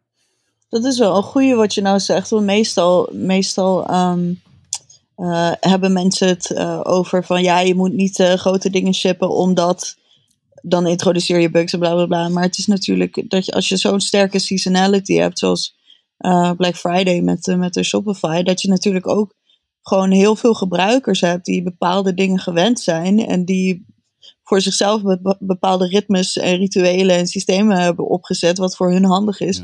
En als, dat als je dat opeens gaat veranderen, dat dan natuurlijk een hele systeem uh, gewoon mentaal niet meer klopt. Klopt. En, en dat is, uh, om nog even terug te komen op die kernwaardevraag van jou, Bernard. De, de, de, de, een daarvan is ook be merchant obsessed. Weet je wel, het zijn, dat zijn onze klanten. Zij vertrouwen ons met hun business toe. Um, dus wat je ook doet, het moet altijd voor um, ten eerste voor de merchant goed zijn en daarna pas voor Shopify. Weet je, doe, doe iets goeds zodat we meer merchants krijgen. En dan de tweede prioriteit is, nou, dan kijken we ook nog eens een keer van hoe kunnen we daar een centje aan verdienen, zodat we dat geld dan weer terug kunnen voeren om meer mensen aan te nemen, om meer mooie dingen voor merchants te maken, die dan weer in grotere getalen naar ons toe komen. En nou, dan heb je zo'n uh, mooi cirkeltje. Het oer-Hollandse klant is koning uh, verhaal eigenlijk. Ja. Oké, en is het dan ook in het belang van merchants dat jullie heel veel uh, eindgebruikers uh, trekken? Um, eindgebruikers als in meer merchants of meer klanten voor merchants? Klanten. Klanten, denk ik. Ja, ja een, een hot topic in e-commerce is con conversion. hoeveel mensen die op jouw website komen gaan ook daadwerkelijk over tot een productje in de winkelmand? Nou, dat is al een begin. Uh, want dat lijkt op een koopintentie, maar dan die koopintentie zou het liefst ook natuurlijk zien om uh, vormen in een daadwerkelijke verkoop. En um, daar, uh, daar zijn we, dat houden we heel erg goed in de gaten. weet je, er zijn altijd, is er wel iemand, is er een experiment of iets bezig met van hoe kunnen we die conversie um, verbeteren. En een van die grootste conversieverbeteraars die in de afgelopen jaren wel in opkomst zijn, is de zogenaamde accelerated checkouts. Uh, dan moet je denken aan Apple Pay en Google Pay, maar we hebben ook zelf Shop Pay. En dat werkt dus dan, dan slaan wij jouw creditcard op. En dat is dus dan niet afhankelijk van je merk telefoon en of de fabrikant van die telefoon een dealtje heeft met jouw bank om je creditcard in je telefoon op te slaan. Ja, oké. Dat is een goede. Ja, het is bij het bedrijf waar ik voor werk hebben we ook een, e-commerce product. En uh, daar is altijd wel van, ja, nou misschien is een bruggetje naar het volgende onderwerp, is, is, is privacy. Uh, nou goed, er zijn een aantal dingetjes die we doen, dus AB testen en, en tracken van, uh, van bepaalde, be, bepaald gedrag. En dan kijken of je daar ja, meer conversie door kunt halen. Alleen tegelijkertijd heb ik wel zoiets, en, en zeker bijvoorbeeld met AB testen, in, in Nederland de schaal ik, ik, ik heb altijd moeite met de schaal. Zeg maar, ik denk dat er, dat er heel veel shops in Nederland zijn waar ja, gewoon te weinig schaal hebt om daar zinnig iets over te kunnen zeggen. En hoe effectief is het dan nog? Nou goed, daar kun je statistisch allerlei modellen tegenaan gooien om daar wel uh, iets over te kunnen zeggen. Van, van ja, pas bij, weet ik veel, 100.000 bezoeken. Dan pas kan, heeft het zin om een eh, conclusie te trekken bij een AB-test. Uh, maar ook het tracken, zeg maar. Ja, dat, dat is wel een soort van spanningsveld natuurlijk met privacy.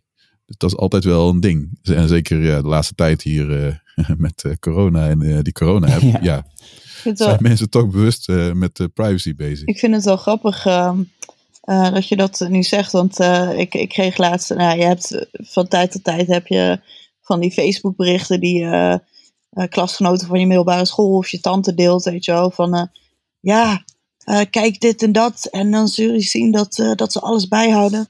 Nou was er van de week weer een bericht dat, want Facebook die heeft een redelijk nieuwe feature uh, gereleased van dat je kunt kijken welke, welke um, andere, zeg maar, welke externe partijen dingen, data doorsturen naar Facebook om targeted ads te doen en dat soort dingen.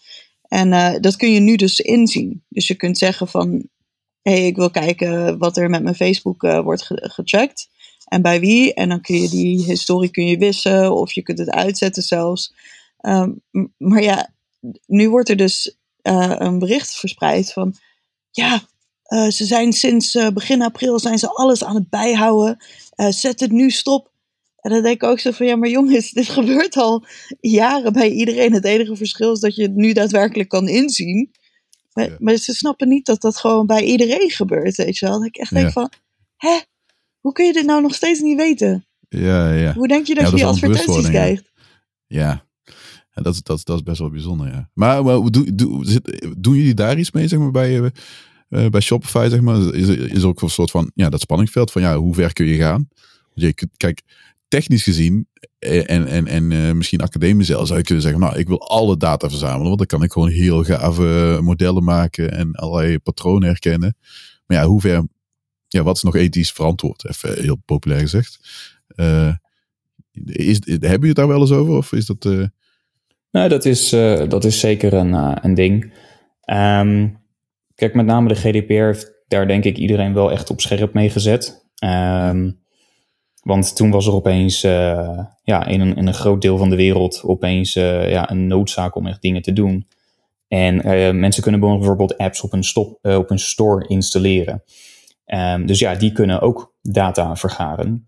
oh, ja. Nou ja, en nou, hoe ga je daar dan mee om? Nou ja, wij hebben voor onszelf eh, maatregelen genomen. Als je bijvoorbeeld in ons data warehouse gaat om eh, nou ja, over al die waar alle data in komt, omdat we natuurlijk eh, tientallen van die, van die shards hebben. Ja, als je soms data wil queryen of gedragen of patronen wil zien over all of Shopify, kan dat niet meer. dan moet dat in dat data warehouse. Ehm, en nou, komt ook weer tooling om de hoek zitten. Als ik dus een nieuwe tabel maak, dan ehm, gaat dat met een, eh, een zogenaamde eh, Active Record Migration voor de mensen die Rails hebben gedaan. En dan hebben wij tooling die dus dan al automatisch eh, dat detecteert met van hey, je maakt nu een nieuwe tabel aan met een migratie. Wordt er automatisch iemand van het privacy team gepinkt. En die hebben dan een apart repo waarin zij dan bijhouden met van nou welke tabellen zitten er in welke applicaties. En welke van die kolommen daarvan bevatten PII, Personal Identifiable Information. En eh, nou, daarin eh, hebben zij dan weer automatische regels met van nou, dit is een geboortedatum, dit is een telefoonnummer, dit is een dit, dit is een dat. Met van, ehm, eh, dat gaat dan zo, dat wordt, dat wordt dan al gescrubt voordat het überhaupt de data warehouse ingaat. Zodat ik dus, eh, ik dus niet eh, zeg maar alle telefoonnummers van iedereen die ooit een Shopify order heeft geplaatst kan opstofzuigen. Ehm, en dan ook voor eh, onze partners die die apps bouwen. Nou, hebben we gezegd van hey, we hebben nu een, een privacy webhook die jij ehm, moet verwerken. Want dat is een, ehm, voordat jij je app op Shopify mag publiceren, ehm, is daar wel een overeenkomst. En dan van, nou ja, wij stellen dus op die manier jou op de hoogte dat iemand een verwijderverzoek heeft ingediend. En, you know, zodra wij die webhoek aan jou sturen, dan ben jij dus nu ook GDPR technisch verantwoordelijk voor dat correct afhandelen. Ja, oké. Dus eh, nee, daar, daar proberen we zeker wel eh, ethisch mee om te gaan. Ja, ja. Eh, en weet je, vaak voor de dingen die wij testen, hebben we ook mensen hun individuele telefoonnummers helemaal niet nodig. Want wij gaan Nee. niet on- de klanten van onze merchants behandelen, of benaderen. Dat is eventueel aan de merchant zelf om daar eh, contact mee te zoeken. Maar ja, dan moet de, merchant, moet de klant ook wel op tijdens het afrekenen een vinkje hebben gezet met van ik ga akkoord met dat ik benaderd word voor marketingtechnische doeleinden.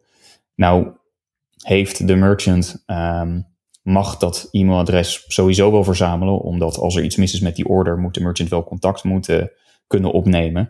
Maar ja, dan moet de merchant zelf natuurlijk ook wel daar verantwoord mee omgaan en dat, dat de vet eh, uit hun eh, CSV-exportje eh, de, de wens respecteren als mensen hebben gezegd nee, ik wil geen marketing ontvangen. Daar kunnen wij natuurlijk ook niet alles mee doen. En je had het eh, net over bijvoorbeeld eh, eh, ShopPay, wat jullie ook hebben. Ehm, Daarbij slaan jullie creditcardgegevens op. Hoe gaan jullie daarmee eh, te werk? Is dat hetzelfde als bij de banken? Ga, slaan jullie het, of hebben jullie daar een service voor? Of hoe, eh, hoe werkt dat? Ja, Wij, eh, wij hebben onze eigen PCI-compliant infrastructuur. Ehm, want eh, wij eh, hebben niet alleen Shopify Payments, ons eigen betaalproduct voor merchants, maar eh, heel veel andere creditcard gateways waarin mensen hun creditcardgegevens invoeren op de checkout. Nou, dat de verwerking daarvan gebeurt helemaal in onze PCI-infrastructuur, zodat de, de, de hoofd Shopify-app dus buiten PCI-scope blijft. Want als je ooit met PCI-compliant apps hebt gewerkt, dan komt er een berg extra papierwerk bij kijken met van welke data mag je wanneer opslaan, wie mag de code wijzigen, wie mag de code mm. deployen, dat mogen niet dezelfde personen zijn, et cetera, et cetera. En uh, de, de main Shopify app, die kan gewoon iedereen deployen. En die wordt continu gedeployed. En uh, nou ja, als, je, als je al die eisen dan van PCI daar bovenop zou leggen, dan uh, zouden we lang niet zo snel kunnen shippen als dat we nu doen. Maar ja, uh, om terug te komen op je ShopPay-vraag. Ja, dat die, die creditcardgegevens, uh, als mensen hebben aangegeven van ja, ik wil graag dat uh, ShopPay mijn creditcard onthoudt om de volgende keer um, mijn betaal- en adresgegevens voor in te vullen. dan kan dat op die manier, die slaan we daarin op. En daar worden we ook jaarlijks op, op geaudit, dat dat allemaal netjes volgens de regels van de betaalindustrie gaat. Oké. En hoe gaan jullie daarbij om uh, met verschillen tussen Europa en uh, Noord-Amerika? Zijn die er? Um, nee, want de PCI Council is een, nou, eigenlijk gewoon Visa, Mastercard en alle andere creditcardbedrijven. Is een, een industrieconsortium. Um, en die, die zelf reguleert zich op die manier.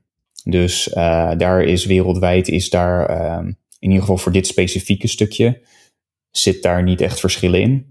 Uh, een creditcard opslaan is gewoon een, een, gevoelig gegeven en dat is wereldwijd wel hetzelfde. Als je kijkt naar um, bijvoorbeeld uh, betaalverwerking uh, met, met echt met passen in een winkel, dan zie je wel dat um, bijvoorbeeld Visa in Noord-Amerika en Visa in Europa soms dan andere eisen opleggen aan de certificering van hardware. Oké, um, nou we zijn best wel een eindje op weg. En we willen nog een onderwerp aankaarten. Dat ging over privacy en security. Sluit wel een beetje aan over waar we het nu over gehad hebben. Want uh, ja, security en privacy. Oh, ik ben aan het echo. Oh, ik zie het al. Je staat zeker niet op mute in Skype. Ja, ik had Skype afgesloten. Ik weet niet eens waarom. Er kwam in Windows een pop-up schermpje. En, nou, je klonk een beetje als God in ieder geval. Oh, dat ga ik weer aanzetten. maar uh, uh, Nee, het, het, het onderwerp waar we aan willen snijden is eigenlijk uh, security en privacy en softwareontwikkeling. Nou, dat heb je al een aantal dingetjes uh, heb je besproken, zeg maar, uh, hoe het bij Shopify eraan toe gaat. Maar te, tegelijkertijd is in de actualiteit, zeg maar, rondom corona slash, of nou, niet COVID-19, zijn er in Nederland natuurlijk heel veel discussies geweest rond een, een corona-app. En vooral rond, rondom het, ja, of, of er een technische oplossing mogelijk is die kan helpen bij het uh, beter in kaart brengen hoe, zeg maar, of waar corona zich, uh, zich verspreidt. Um, nou, dat is, dat, als je dat zo zegt, denk ik van ja, nou, dat is een uh, nobel streven. Want ja, wij als mensheid willen graag dat, dat we overleven. En misschien kan techniek daarbij helpen. Nou, mijn, mijn eigen gut feeling, los van, ik vind, in, ik ben er altijd van, in principe kun je overal een technische oplossing voor maken. Maar is het wel wenselijk? Want er, zijn er, komen wat sociale aspecten bij. Uh, nou ja, privacy. Uh, uh, kan het technisch überhaupt? Dus er zijn best wel wat mits en maren. Nou, in, in, in, ja, wat ik bijzonder vond is dat er eigenlijk een soort van het idee ergens vandaan kwam. In Nederland in ieder geval, in buitenland misschien ook. Dat er in een redelijk korte tijd dat er een app ontwikkeld kan worden. Nou, hebben jullie allemaal softwareontwikkelingen gedaan? doen jullie ook nog? In mijn ogen, snap jullie denk ik al dat je niet in een paar weken tijd even zo'n app kunt eh, in elkaar draaien. Uh, ja, 4 mei of zo geloof ik, zeiden ze dat het in de stijgers moet, sta moet staan of iets. Ja, maar ja, dat. Ik krijg vooral heel erg het gevoel dat, dat de beleidsmakers die, die dit soort dingen moeten gaan aansturen, zo heel snel, dat die niet bekwaam genoeg zijn om bepaalde dingen te bepalen. Bijvoorbeeld dat nou ja, er dan even, moet Hm? Nou, even een stapje terug nog, zeg maar. Volgens mij, Bernard en misschien jij ook, uh, Bart. Er is volgens mij een, een soort van ja, een heel stuk geschreven over waar, waar die aan moet voldoen. En er zijn best veel mensen, zeg maar, bij betrokken. Dus uh, volgens mij Bits of Freedom. En een hele zwik aan ja, hoogleraren. Gewoon echt allerlei specialisten. Die zijn echt wel geraadpleegd in dit verhaal. Dus dat vond ik op zich positief. Alleen toen daarna het proces was van hey, dan moeten allerlei bedrijven die komen dan met een soort van uh, een oplossing die open source zou moeten zijn. En die mogen ze dan gaan presenteren. En dat vond ik echt, ja, dat was gewoon soort van muppetje. Ja, dat, dat vond ik ook een heel raar proces. dat was erg raar. Maar was het nou Maar, een eh, hackathon? Eh, Zijn er ook echt al dingen gemaakt? Of was het alleen maar een, een week lang pitchen? Want dat heb ik niet helemaal goed meegekregen hier. Volgens mij was het Nou, echt gewoon pitchen. Ja. Nou, er zijn ook dingen gemaakt. Want daar, daar, daar was dat lek uitgekomen. Weet je wel, dat is, die, dat is een of andere... eh, eh, een van die applicaties. Ehm, ja, daar zaten allerlei eh, e-mailadressen in of en telefoonnummers volgens mij. En dat was echt een applicatie die. Ja, ja. Ja, dus volgens, misschien weet jij er meer van, Bernard. Voor, Nou ja, sowieso. wat er is gebeurd, er is een inschrijving geweest. Eh, dat was een hele haastige. Je moest eh, voor dinsdagochtend 10 uur eh, iets in hebben gevuld. Daar hebben 600 partijen op gereageerd. Toen is er binnen 24 uur een selectie gemaakt van zeven partijen uit die 600. Ook heel snel, waarbij niet alles goed is door kunnen gelezen worden. En eh, er veel discussie was over die eh, zeven overblijvers. Er Daar was eh, Sommige mensen wilden dat niet. Hele goede partijen zijn afgevallen. En die zeven partijen mochten in het eerste weekend meedoen aan de Appathon. Waarin ze 48 uur hadden om iets te laten zien. En daarbij keek heel IT Nederland toe. Wat ze aan het maken waren. Naar de code en wat er op zondagmiddag was. En dat was eh, eh, droef. Eh, er zaten veel dus security leks in. De code was, ja weet je, wat, wat, wat schrijf je in de eerste 28, 48 uur van je, van je app? Er was, ja, weet je, app, appjes die in de stijger stonden. Waarschijnlijk was er al wel bestaande code waar ze mee verder konden. Daar kwam dat lek ook uit. Het was gewoon eh, e-mailadres uit een vorig appje van klanten. Eh die had ze gewoon gekopieerd in het eh, eh, in de Git gezet en dat kon iedereen lezen. Dus dat was niet zo netjes. In Git ook echt nog. Ja, volgens mij wel. Ja. Iedereen kon die source eh, Ja. bekijken. En daar stonden e-mailadressen. Ja, het ging er inderdaad om dat er een eh, soort database meegecommit was naar, eh naar de Ja, ja, Git. oh ja, goed. Ja. Ja, nou, dat dat is al een heel goed, eh, goede start. Ja. Maar goed, dat is allemaal heel gehaast gegaan. En eh, weet je, dat gaat dus ook niet iets worden. Die documenten waar eh Saber het net over had, dat, dat, die zijn allemaal geschreven volgens mij met in het achterhoofd of een premisse van er kan een technische oplossing gemaakt moeten worden. Hoe maak je die? En weet je, daarbij is de vraag of de, de, de adaptatie wordt gehaald of, eh, of het überhaupt gaat kunnen werken in een land als Nederland. Die vraag is daarbij overgeslagen. Dat kan je doen. Maar die documenten, die documenten gingen ervan uit van eh, we moeten iets maken wat, eh, eh, waar de, Nederland wat aan heeft. Hoe doe je dat technisch gezien? En ik ben benieuwd naar Bart wat jij daarvan hebt gelezen. Want Ik heb me vooral verdiept in die Apple en Google documentatie van dat framework dat zij hebben voorgesteld. Ja. Ehm, ik heb daarvan op de, met Nerds op tafel Slack toen een, eh, nou ja, mijn versie van de analyse toen eh, opgedumpt. Ehm, Ja. Dat leek me wel een goede afweging tussen ehm, nou ja, wat die app moet doen en toch een stukje privacy waarborgen. Als ik het even uit mijn hoofd herhaal, eh, er wordt een unieke per device key gegenereerd. Ehm, daarvan wordt dan een dagelijkse key afgeleid. En van die dagelijkse key wordt dan weer een eh 15 minuten key eh, afgeleid, die dan elke 15 minuten wisselt. Ehm, en het idee is dat dan eh, die, die, die, die afgeleide 15 minuten key, die wordt dan over Bluetooth uitgestraald. En eh, nou, Nou, op een gegeven moment dan loop je met elkaar rond. Eh, jouw device vers- eh, slaat dan eh, die keys op, eh, die 15 minuten rollende keys die dan gezien zijn. En als jij dan, ehm, als er op een gegeven moment een, eh, iemand dan eh, zegt van ja, ik ben nu ziek, dan worden die eh, dagelijkse keys van de afgelopen nou, vier tot zeven dagen, worden die op een server gezet. En, de, ehm, en daarvan kunnen vervolgens dan andere devices, die kunnen dan met die dagelijkse keys, kunnen zij dezelfde stap herhalen om tot dezelfde 15 minuten keys te komen. Ehm, want jouw device weet van, oh, ik zag op tijdsmoment eh 120, zag ik een key. Oh, en ik heb nu een zwik nieuwe dagelijkse keys gekregen. Nou, dan doe ik ehm, dagelijkse key van een zieke persoon door hetzelfde algoritme heen, plus tijdsmoment 120. Ehm, is dat dan dezelfde key die ik toen ook heb gezien eh, over Bluetooth? Zo ja, dan ben ik dus in Bluetooth contact geweest met iemand die ziek is geweest. Zo niet, ehm, ga dan maar verder. En op die manier eh, is er dus geen centrale server in het spel. Eh, gebeurt de matching dus lokaal.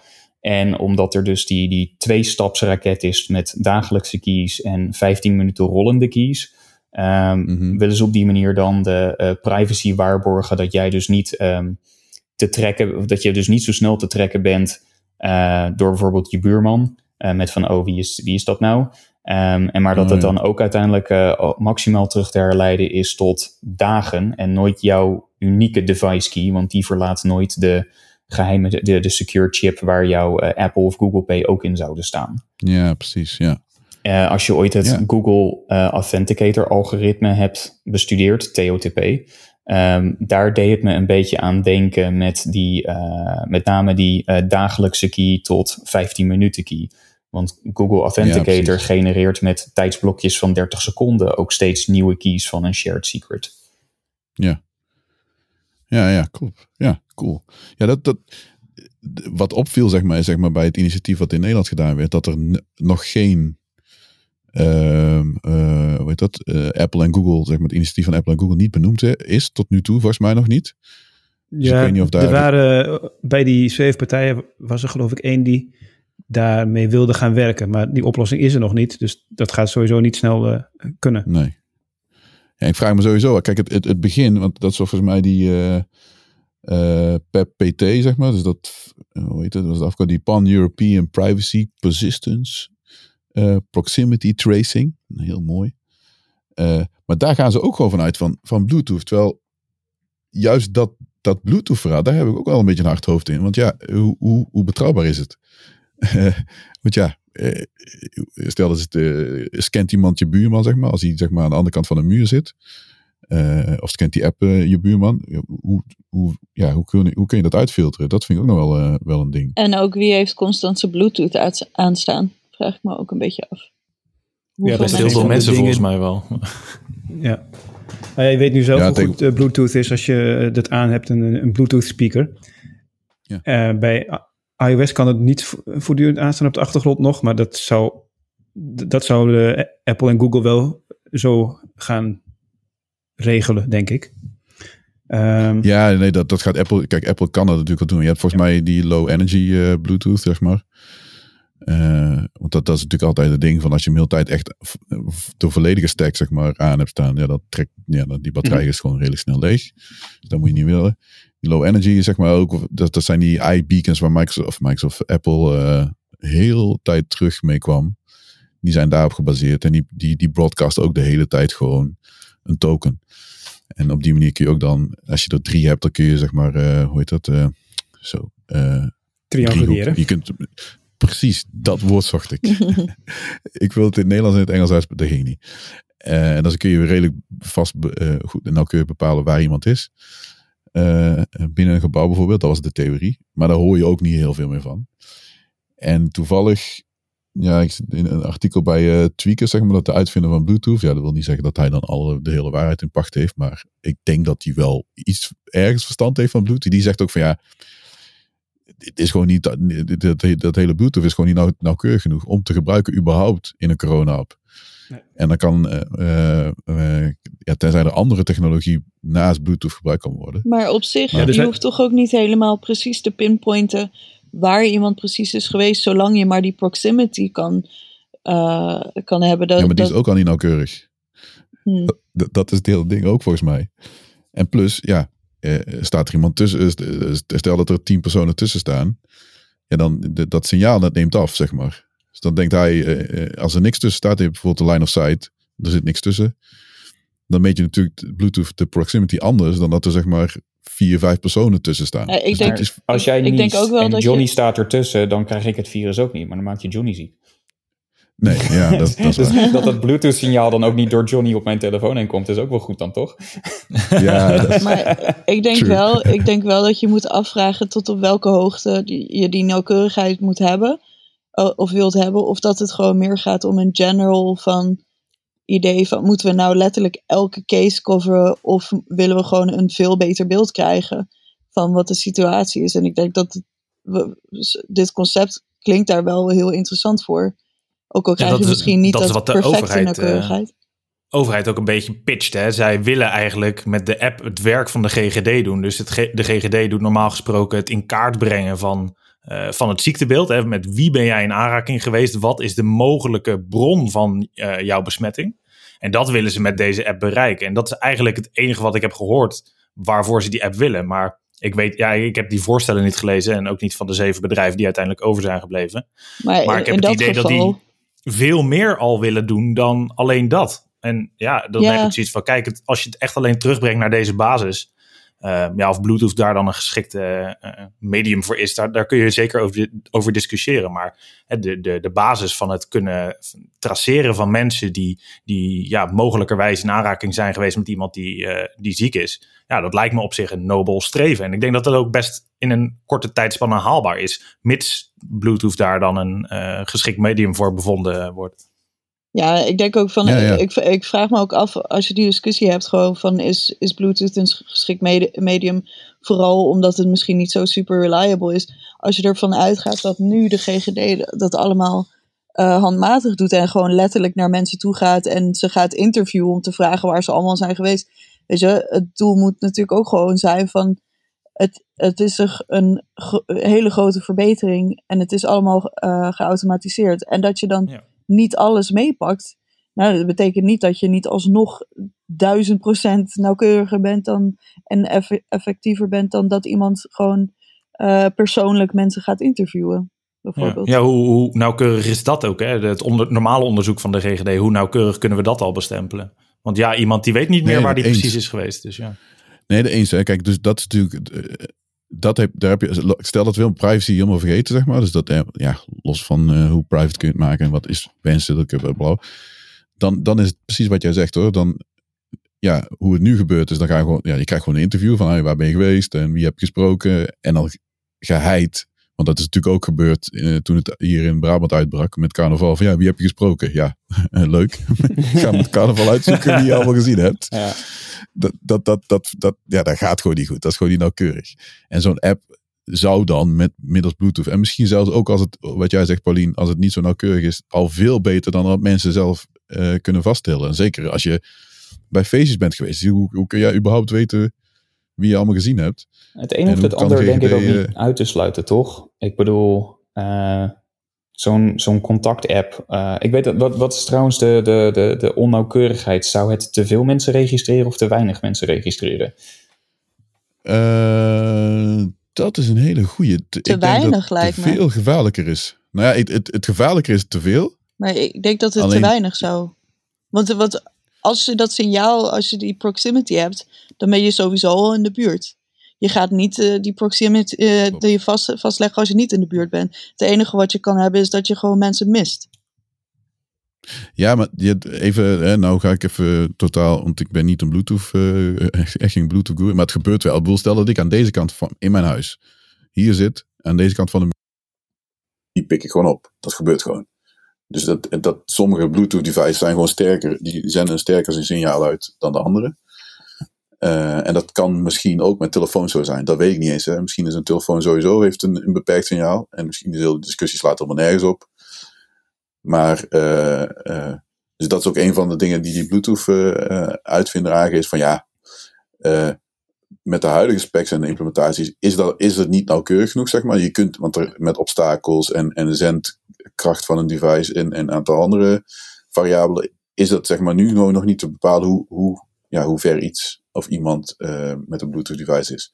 Daar zijn ze wel mee bezig. Daar komt wel een spec, zeg maar, eh, binnen Bluetooth, waardoor ze wel zeg maar, op een meter nauwkeurig kunnen bepalen wa- ja, hoe dichtbij een ander eh, device is. Maar op dit moment niet. Dus dat is even technisch, maar precies wat jullie zeggen. Misschien is het goed genoeg hoor. Voor ja, Ja, wat ik een beetje mis in deze discussie is van. ehm, het, het wordt een beetje. Tenminste, dat kreeg ik mee op afstand. Correct me if I'm wrong. Is met van.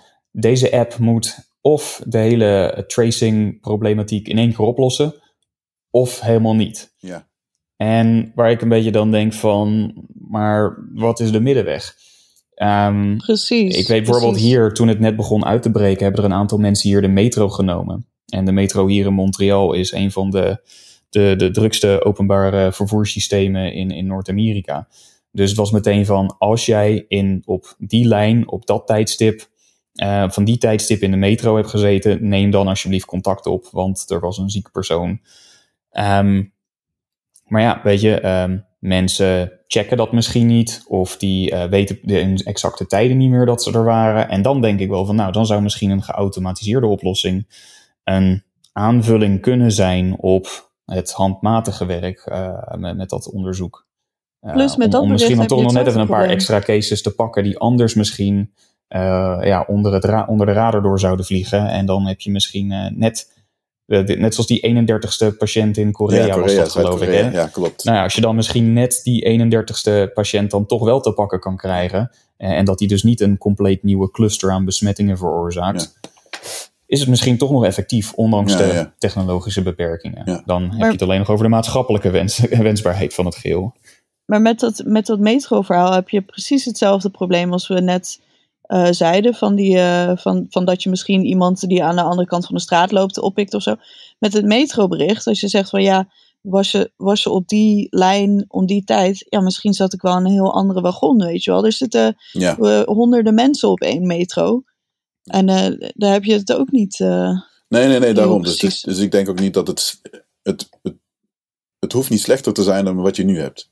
Het is heel makkelijk beter te doen, zeg maar, met, met eh, de technische middelen. Dus dat is wel zo. ja, ook al is het niet meteen perfect. Klopt, ja. Alleen wat er dan tegelijk meteen. En dat vind ik, hè, en daarom ik ben geen. Ik heb wel een mening over privacy en ik heb een mening over eh, technologie, bla bla. Maar ik weet niet genoeg. Er wordt vanuit de privacyhoek, zoals mensen, nou noem even Bits of Freedom of, of ja, anderen, die ze zeggen van ja, nee, maar dit kan niet, privacy, eng, eng, eng, eng. Aan de andere kant, je moet echt een afweging. Je kunt niet, er is geen samenleving die perfect, eh, eh, al- alles, eh, dat je je perfect houdt aan privacy. En er is ook een, niet eentje waar alles openbaar is. Dat is het niet. Dus er zit altijd ergens in het midden een, een, een, een balans. En dat is bij dit ook, zeg maar. Dus je, ja, misschien is, ook wat, is dat ook wat jij bedoelde, Bart. Van ja, je, kunt, je hoeft niet de hele app in één keer af te schieten. Of de, het ontwerp, zeg Maar maar. wat dan. zijn hun concerns precies met dit voorstel dan? Want, want van wat ik van Bart's uitleg net heb begrepen met, weet je, eh, eh, die, eh, die identifiers worden gegenereerd zonder server. Dat wordt gewoon lokaal gedaan. Het wordt via Bluetooth, wordt die proximity vastgelegd. De, de rest wordt gewoon niet gepersist, nergens. Weet je wel, dan vraag ik me toch af van, wat zijn dan precies de privacy concerns Nou, dat- van zo'n voorstel? Dit is zeg maar de, de, de Google-Apple-initiatief. Er zijn volgens mij van die PEP, eh, PT, heb je de mogelijkheid om een, een centrale database te hebben en een decentrale database. Mhm. Je, het liefst wil je een decentrale database, maar blijkbaar gaat dan het dataverkeer omhoog, want ja, je moet meer data uitwisselen. Lala. En, eh, en er is, kijk, dat is, het, de discussie is natuurlijk niet heel, is redelijk complex, zeg maar, omdat een aantal mensen hebben, die hebben een wantrouwen richting de overheid. Dus van ja, eh dat noem even Team Snowden. Van ja, wacht eens even. Ze gaan veel meer opslaan en, en ze gaan er dingen mee doen die, we niet, die niet de bedoeling, eh, dus de, de, de functie gaat veranderen. Ja, fair enough, dat snap ik. Maar in, de, in dit geval is dat niet eens mogelijk, toch? Als je het op deze manier aanpakt. Nou ja, als, als ik eh, Bart dus, eh, dus met de Google eh, Apple eh, implementatie, ja, dan is dat denk ik niet mogelijk. Want die werkt decentraal. Nou ja, je, je- hebt daar natuurlijk wel de, de, de keys van mensen die eh, besmet zijn. Die worden verspreid vanuit een centraal punt. Die keys kan je opvangen en eh, noteren en vergelijken met welke keys je, je vrienden hebben gekregen. En op die manier kan je misschien bedenken wie dan diegene persoon was die besmet is geweest. En daar, Stel je was op dat een is feestje of zo. kwalijk. Ja, ja, precies. Ja, oké. Dus er zijn, er zijn allerlei scenario's te bedenken. Je kan met een eh, hele meute door de stad gaan en kijken wie, eh, welke besmette kies drie dagen later krijgt. En dan terug gaan beredeneren wie er dan ziek was. Ja, dat Maar wil je weten- misschien niet. Maar weten gebruikers überhaupt hun eigen keys van een bepaald Ja. moment als... Want volgens mij is dat toch niet? Volgens mij is het zo, je hebt gewoon... Nou ja, je krijgt wel kies van besmettingen door. Ja, de Ja, maar niet je eigen keys. keys. Dus die kun je niet vergelijken met die van je vrienden bijvoorbeeld. Want Nee, die, krijg je krijgt allemaal- diezelfde kies door natuurlijk. Van die zijn, dezelfde mensen zijn besmet. Ja, oké, maar die API is, ja, goed, dat is natuurlijk, En gaat jouw appje af, dan heb je hem gezien. En heeft je, Oh, gaat dus het dan- appje van je vriend af, dat heeft hij ook gezien. ja, oké. Dus dan, Dan, is kan er je één terug gaan persoon... redeneren. En dan is er één persoon op het feestje die niet die key heeft binnengekregen of iets dergelijks. Ja, oké. Oh, zo. nou ja, je ja. kan... Ja, Ja, dat, goed, dat is... Dat, de- ja, ik, ja, ik ik- weet niet hoe erg dat is. Want als je helemaal niet op privacy eh, let, ja, dan kan je gewoon alle eh, Ja. mobile provider data gaan gebruiken. Dan hebben die Bluetooth helemaal niet nodig. Want die data is er ook. klopt, ja. En GPS. En, maar daar wordt angstvallig van weggebleven. Ja. En ja, dat snap ik wel. Maar ja, die data is er. En eh, überhaupt, hè, het is volgens mij, eh, allemaal opt-in ook nog. Dus op het moment dat jij besluit om mee te gaan doen met dat programma, ja, dan heb ik ook wel zoiets van, ja, dan moet je ook wel bereid zijn om even te gaan kijken van welk stukje privacy geef ik dan op. Um, en heb ik daar dan zin in? En ja, dan, dan kun je die afweging zelf maken. Het is natuurlijk ook niet zo dat als dit uitgerold wordt, dat ineens iedereen in Nederland uh, zijn Bluetooth-keys worden, worden gescand en opgeslagen. Dat, ja. Dus ik, ik vind het een lastige discussie hoor, zeker vanuit, uh, ja, vanuit alle hoeken persoonlijk heb ik wel zoiets van, als ik voor zover ik dit design heb bestudeerd en erover na heb gedacht, denk ik wel van, nou, dit lijkt in ieder geval een, een oprechte effort te zijn gemaakt om niet de eindeloos data te gaan graaien. Mhm. En dan, als je dan dit uh, afzet, bijvoorbeeld met het uh, data graaien van uh, wat bijvoorbeeld een Facebook doet. Ja. En waar mensen dan ook vrijwillig nog eens een keer allerlei apps aan koppelen voor Candy Crush, Cambridge Analytica en god maar weten wat. Dan denk ik wel met van, nou, um, daar hebben mensen kennelijk geen probleem mee. Maar waar dan zeg maar hier een, een, een afweging geprobeerd te maken tussen privacy en, en nut uh, voor de samenleving, uh, liggen mensen dan weer uh, ja, op, ja, een, okay. op een achterste benen komt van. Echt, denk ik. Komt echt door de overheid, door, de, door ja, dat, vertrouwen in de, dat wantrouwen in de overheid. Maar inderdaad, het is eigenlijk heel krom als je bedenkt dat uh, zo'n Candy Crush, weet je wel, wie zit daarachter? Die zijn echt niet meer betrouwbaar. Nee. Maar goed, maar nou ja, dan gaan we het ook weer, dan gaan we ook weer de kant op van uh, hoeveel, hoe ziek veel QAnon berichten en zo er worden ge gedeeld en conspiracy theories en zo dat ik echt denk van jezus, ja. hoe komen, het wordt zo mainstream dat wantrouwen en tot, tot zo'n belachelijk niveau ook getild. Dat ik echt denk van. Ja, maar het is nou nu, ja. juist nu, hè? Kijk, het, het lullen, wat jullie ook zeggen, volgens mij, de overheid, hoe ze het nu doen, dat heeft niet geholpen. Dus er ontstaat juist wantrouwen door de aanpak die ze nu hebben uh, genomen. En dat is best wel lastig, want ze zeggen ook van ja, we willen eigenlijk kijken of we, weet ik veel, vijf, uh, wat is het, 60% of zo. 60, ja. Uh, ja, dat gaat zo nooit meer lukken. Ook al was het gelukt, uh, wat ik niet denk. Ja. Het gaat echt niet meer nu nog 60% nee. van, van de Nederlanders. Hè? Dus niet eens van mensen met een mobieltje. En uh, die gaan het echt nooit meer aanzetten. En dat is, dat is een beetje het lastige. Dus in die zin, het, het, is, het is los van technisch en, en, en privacy technisch. Ik denk ook hoor, even mijn gut feeling nog, nogmaals, dus niet heel erg goed onderbouwd. Ik denk van oké, okay, dit valt wel mee. Weet je? En ik denk zeker dat Apple en Google, want iedereen zegt van ja, maar Google wil alles graaien. En Apple denkt van ja, luister, dit is, dit is het, het is heel makkelijk te herleiden waar het al vandaan komt en waar het fout gaat. Weet je? Dus dit, dit hebben ze niet geheim ergens ontwikkeld. En alle andere API's die ze op de achtergrond hebben, uh, uh, die gebruikt worden. Nee, en reken is... maar van yes dat elke security researcher hier ja. met een vergrootglas overheen gaat zodra Tuurlijk. dit uitkomt. Ja. Dus in die zin, we, zitten, we zijn er echt met, nu zeker met z'n allen bij. Terwijl juist met zo'n Facebook, daar worden allerlei dingen ge, gebeuren er. En zeker ook hoor, de privacy uh, uh, uh, deskundigen zo, die hebben daar zeker vragen, zeg maar. En zijn, heel, zijn niet positief over Facebook, dat is zeker zo. Maar de grootste groep mensen die zegt van ja, I don't care. Ja, nou ja, dat bericht wat ik net, net deelde, van dat, dat er nu juist een feature is om het transparanter te maken en dat mensen nu in één keer gaan stijgen van, oh, ze checken alles. Ja. Van ja, dat, dit wisten we al. Ja, ja. maar jullie vonden het niet erg. Ja. ja. Dus dat is, dat is aan de ene kant is het dus wel best wel jammer dat het dus dan kan veroorzaken, waardoor uh, dat die app zeg maar nooit meer van de grond afkomt. Maar concluderen we dan dus eigenlijk dat het gewoon nooit goed kan gaan nu meer? Ja, ik denk niet dat het. Nee. Nou ja, ik denk dat Of als, ja, het, dus- eh, als hetgene wat eh, Apple en Google nu maken, als dat eh, goed klaar is, dan zijn we klaar voor de volgende pandemie. Ja, oh, zo Ja. ja, ja, dat, ja, dat, Ja, denk- ja, ja, dat kan geen kwaad. Ja. Ja. dat is wel waar, ja. Dat is waar. ja dat, ik vroeg het me ook af, hè, hoeveel zin heeft het nu nog? Want ja, dan is Ja, dan ben ik wel benieuwd hoe, hoe jullie erover denken. Want stap 1 van Apple en Google is een framework in het OS aanbieden. Ja. En dan zeker met Apple om de standaard beperkingen van energiebesparing in iOS heen te werken. En een toegang tot bepaalde diepere dingen van Bluetooth. Maar stap 2 was dat ze echt de app-functionaliteit bovenop dat framework ook meeleveren in het OS. Hmm. Nu zou bijvoorbeeld een van de Appaton-ontwikkelaars dus dan op dat framework kunnen bouwen en dan alle dagelijks, alle key, eh, tracing key uitwisselingen dan nog in Nederlands beheer kunnen houden. Maar zo dadelijk zou dat dan allemaal via Apple of Google kunnen gaan lopen, moeten gaan lopen. Ik weet niet precies wat hun ja, plan dat daar is. wel- dat- Ehm, maar dan zou ik nog eigenlijk liever nog een Appaton ronde 2 hebben, dat het dan in ieder geval in nog een lokaler beheer wordt gehouden, dan, dan dat je wederom weer dat stukje nog naar een Amerikaans techbedrijf toe verplaatst. daar heb je wel, dat is wel waar. Dat, dat, zo had ik ook nog niet eens over nagedacht. Misschien goed, hadden we dit waarom- gewoon al moeten doen voor dit hele gebeuren. Want ze wisten best wel dat er ooit een pandemie aan ging komen. En dan gaan ze nu... Ja. Ja. Ze zijn gewoon te laat. Ze Ja, zijn er gewoon te laat mee. Maar waarom zou je dit in elk land doen? En niet eh, gewoon eh, in eh, Europa? Ja, dat snap ik ook niet helemaal. Maar zijn ook al die partijen die hebben gepitcht...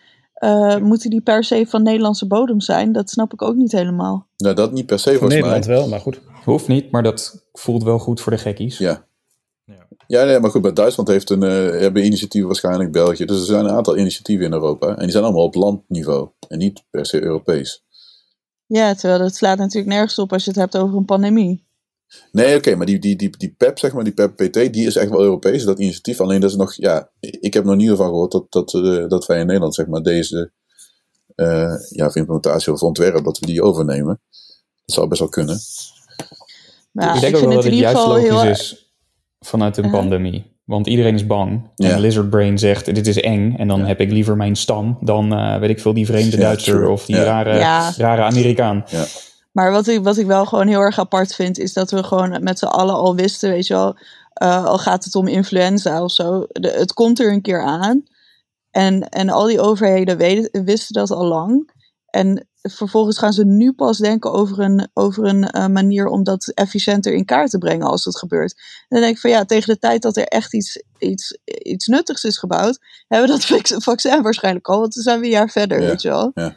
Dat heb je niet in mei in de stijger staan. Dat, zo Nee, werkt het moet, weet je, het moet gebouwd worden, moet getest worden, weet ik wat dan. Nou ja, eh, als je blij bent, pff, augustus, als je een versie hebt. En ja, dan is het dan nog nodig of niet, weet ik veel. Dat, dat, ja, dat, dat is gewoon niet realistisch. En ja, ze hadden er van tevoren moeten doen. Alleen ik geloof er niks van dat ze dan in Europa in ieder geval de hand op elkaar kregen. Want niemand geloofde dat dit zo naar ons toe kon komen. Weet je, je in het begin, toen we nog hoorden, was, wat was het, december, begin januari, dat het in China was, werd er gewoon hier in Europa heel luchtig over gedaan. Van, ja, ver van ons bedshow, daar gaat hier echt niks eh, gebeuren. Dus, ja, Komt denk ik ook door, door SARS ja, destijds. klopt. Ja. En MERS volgens mij. Eh, Ja. Ja. Dat er hier ook vragen werden gesteld bij mijn huisarts. Werd er een vraag gesteld van, ben je in de afgelopen twee weken in contact geweest met Ja. dromedaris? Ik zei, hè, waar slaat dit nou weer op? ja, precies. maar Klopt. ja, nu snap ik het. Ja. Dus dat is, eh, Ja. ja, het, is het, zijn gekke eh, ik had tijden. Een vriendin van me, sorry, een vriendin van me die, is in, eh, die was in februari in Singapore op vakantie. Ja. En daar was het al inderdaad van eh, overal checkpoints met eh, hi- eh, weet je, hittemetingen. En dan nou, als je er iets te warm uitzag, dan was het meteen eh, eh, waar ben je geweest, met wie ben je in contact geweest, dit en dat. En overal. eh, en ja, die, die, die hebben de les al geleerd inderdaad Ja. met, met een SARS Die, en een die hittemetingen, die vond ik zo slim. Want het is zo'n kostefficiënte manier om iedereen gewoon een soort van bazaal te screenen. En dan, Ja. ja, ik vond het zo'n ge- geniaal idee. Je ik snap in ieder niet geval dat, uit, ja. Ja. Maar eh, volgens mij wordt het op Schiphol nog steeds niet gedaan. Hè? Eh, iedereen kan gewoon binnenkomen. Ah, eh, ben je in contact geweest? Nee. Eh, heb je een hoesje? Nee. Oké, nou loop maar Ja, binnen. ja. dan. Want dat is ook mensen die uit Amerika terugkwamen, die moesten dan eh, beloven dat ze dan twee weken lang thuis zouden blijven. Weet je, Ja. dat is echt, maar goed, dat is weer Nederland. Dan denk ik, ja, kom op, laten we nou even niet naïef doen. hè. Gewoon opsluiten. Ja, niet, weet je, ik wil niet dat mensen opgesloten worden, maar zorg dat ze dan in quarantaine komen. Dan gaan we er zo In 20 tellen dat, eh, de, die hittelaser erop. Weet je, dan heb je Ja. toch, eh, weet je wel, zo'n, eh, jij hebt mooie blauwe ogen, daar wil ik je best op geloven. ja. Maar eh, toch even meten, vriend. Ja, precies. Ja, Dat zou je ook zeggen, ja. Maar goed, dat, dat, dat vond ik ook zo vreemd. Dus ik, ik, ik ja, nu wordt eh, Rutte natuurlijk heel erg eh, geprezen. Ik snap echt een aantal dingen, weet je, ik ben geen Rutte-fan of zo. Of, ik snap een aantal dingen, snap ik echt wel. Alleen ik heb nog steeds, ik vind nog steeds dat wij twee, drie weken te laat hebben geacteerd. Maar goed, dat is eh, mijn mening. En, die, en deze hele IT, ja, shitfest, ja, je ziet het gewoon aankomen. Als je de gemiddelde softwareontwikkelaar vraagt, dan weet je gewoon, ja, dit gaat gewoon mis. En dan eh, ook met die, eh, die e-mailadres of telefoonnummers die in die GitHub staan. Ja, kijk, iedereen zal zeggen, oh, wat een sukkel is die ontwikkelaar. Maar ja, die staat natuurlijk onder zware druk. Van ja, je moet dat ding morgen moet je dat neerzetten. Dus hij, hup, eh, git push, klaar. En, oh shit, telefoon van, eh, weet ik veel, van duizend man. Nee, maar sorry. Nee, sorry. Ik ga, ik ga me geen slack geven Ja. voor dat, man. Nee, ik wou Nee, zeggen, je, je moet gewoon, je mag, je mag, echt klantgegevens in je Nee. persoonlijke ontwikkelomgeving is, is vraag om problemen. Nee, natuurlijk, dat is, dat is het zeker not done. Alleen, hij heeft het... Ja, dit is niet... Dit is in een bepaalde context is het gebeurd. En het, ja, eh, het is dat- misschien overmoedig geweest, eh, weet ik veel. Maar ik snap wel, kijk, hij wordt nu heel... Oh, het is een eikel. Maar ja, ja, zeker heeft hij een fout gemaakt. Maar ik zou nu zeker niet in zijn schoenen willen staan. ik denk niet dat dat helemaal... nee, eh, nee. Maar, maar ook al het feit dat, zeg maar, eh, je zegt het was nog van een oude app, toch? Dus eh, Ja. een deel van een Ja. andere. Dat betekent dus dat, dat, dat hij je daar al, ook al een keer had meegecommit. Ja, dat is waar. Zonder al die Ja, druk. dat is dus waar, het is gewoon gelul. Ja, want als je het kopieert, die zeggen, ignore had je dus niet eh, staan met die data. ja, Daar is toch wel een organisatorisch probleem. ja. Dat is, dat is dat, wat eh, Pauline al zei, dat, dit voelt niet als een eenmalig foutje. Dat Nee. voelt iets als dat daar een beetje fast and loose sowieso al met persoonlijke gegevens wordt gedaan. Dus ja, ja, die jongen moet ze meteen aannemen. Hoofd eh, ICT eh, maken in Nederland. Dan eh, komt er helemaal goed. Eh Bernard, heb je daar nog iets eh, toe te voegen? Want ik eh, wil er eigenlijk wel een eind aan breien aan het onderwerp. Oh, ik hou je niet tegen. Nee, ik Nee? vind het prima. Nou, dus eh, security privacy blijft moeilijk. Het is voor softwareontwikkelaars volgens mij altijd wel een best wel een lastig verhaal. Maar wel heel actueel. Je moet er echt wel eh, bewust mee bezig zijn. Dus dat. Eh, ja, het laatste deel is meestal een beetje free format.